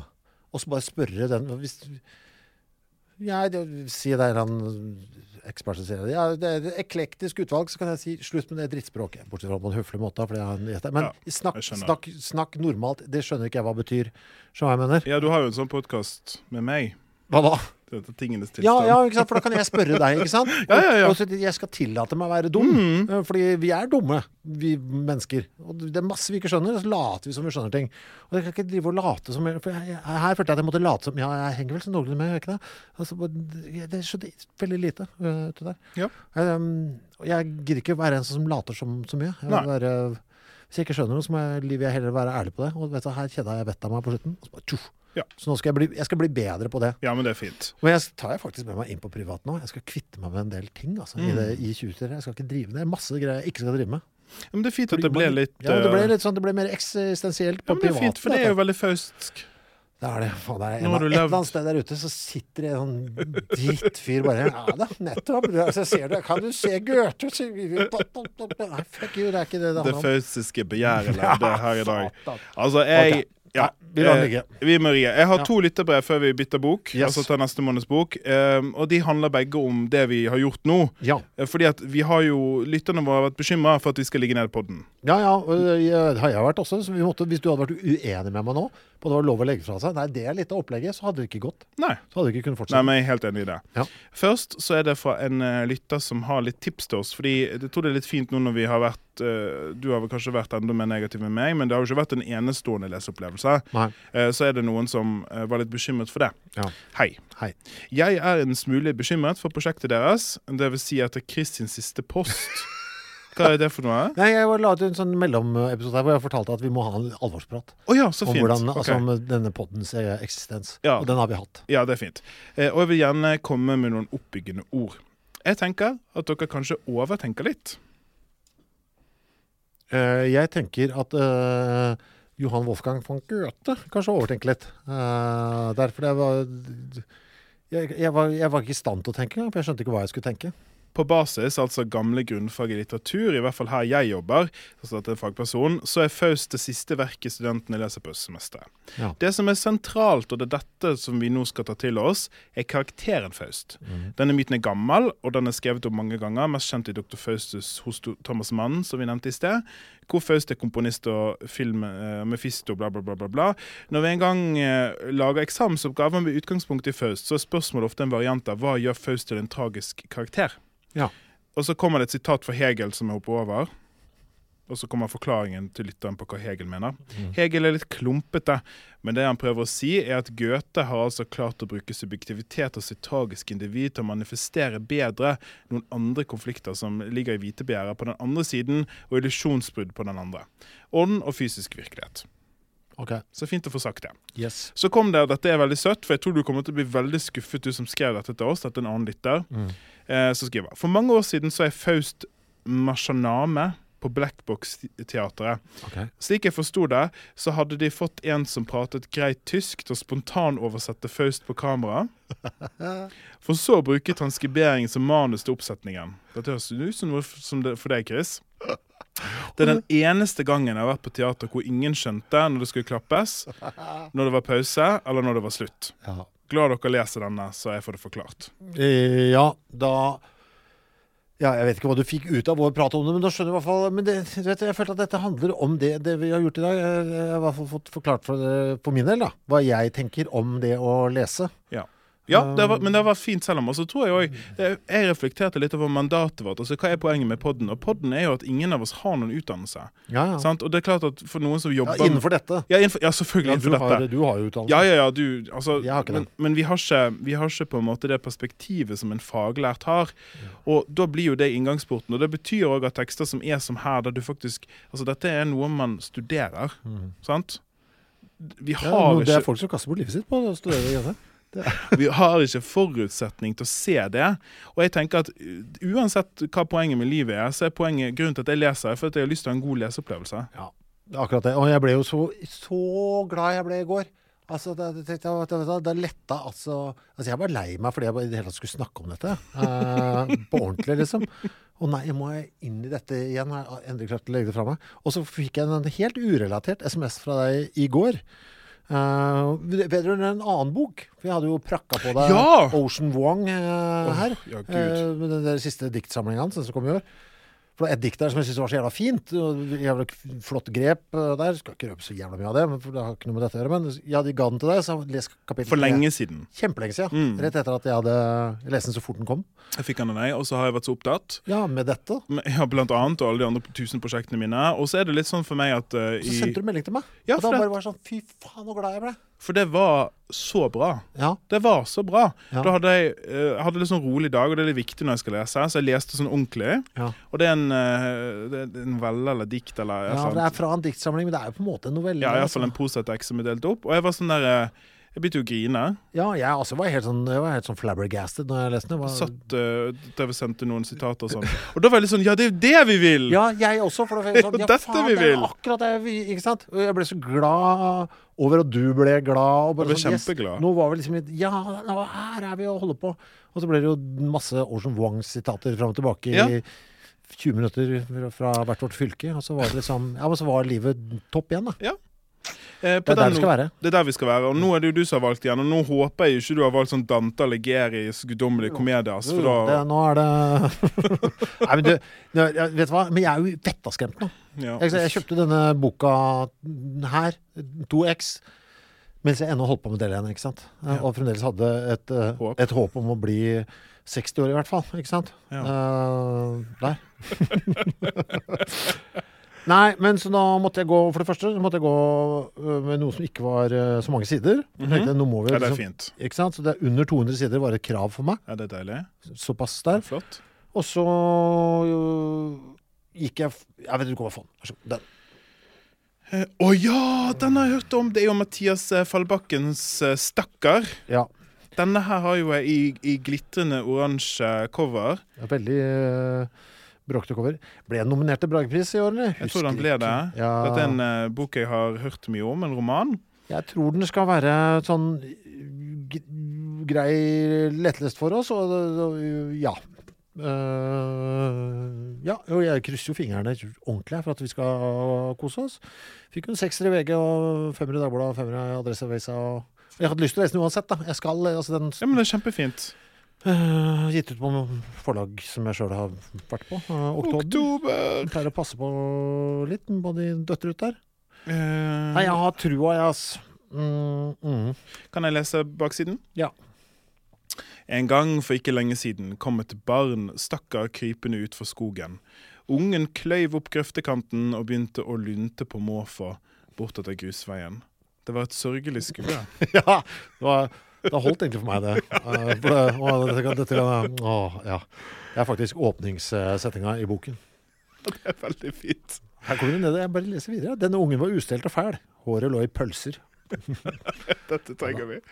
Ja, nei, takk for at dere var med oss på nok en reise, kjære lyttere. jeg var vet du hva, jævlig glad for at vi fikk hatt den praten. jeg. Det var litt sånn, Du vet når du har vært sammen med noen i to år, Ja, cirka? Vi renser luften litt. Ja, så må du, du må gjøre en sånn rekalibrering. Må det. Litt sånn hvem er vi, hvor skal vi, og skal vi lide? 2023. Stakkar. det er der vi skal nå. Men da ses vi om eh, en måned. Det gjør vi. Eh, Les med oss da, alle sammen. Det ligger en eh, kjøpslink via Facebook-sida vår til eh, ark, hvor du kan handle denne her. Eh, sjekk den, hvis du ikke klarer å finne den sjøl. Ha det. Ha det. Ever catch yourself eating the same flavorless dinner three days in a row?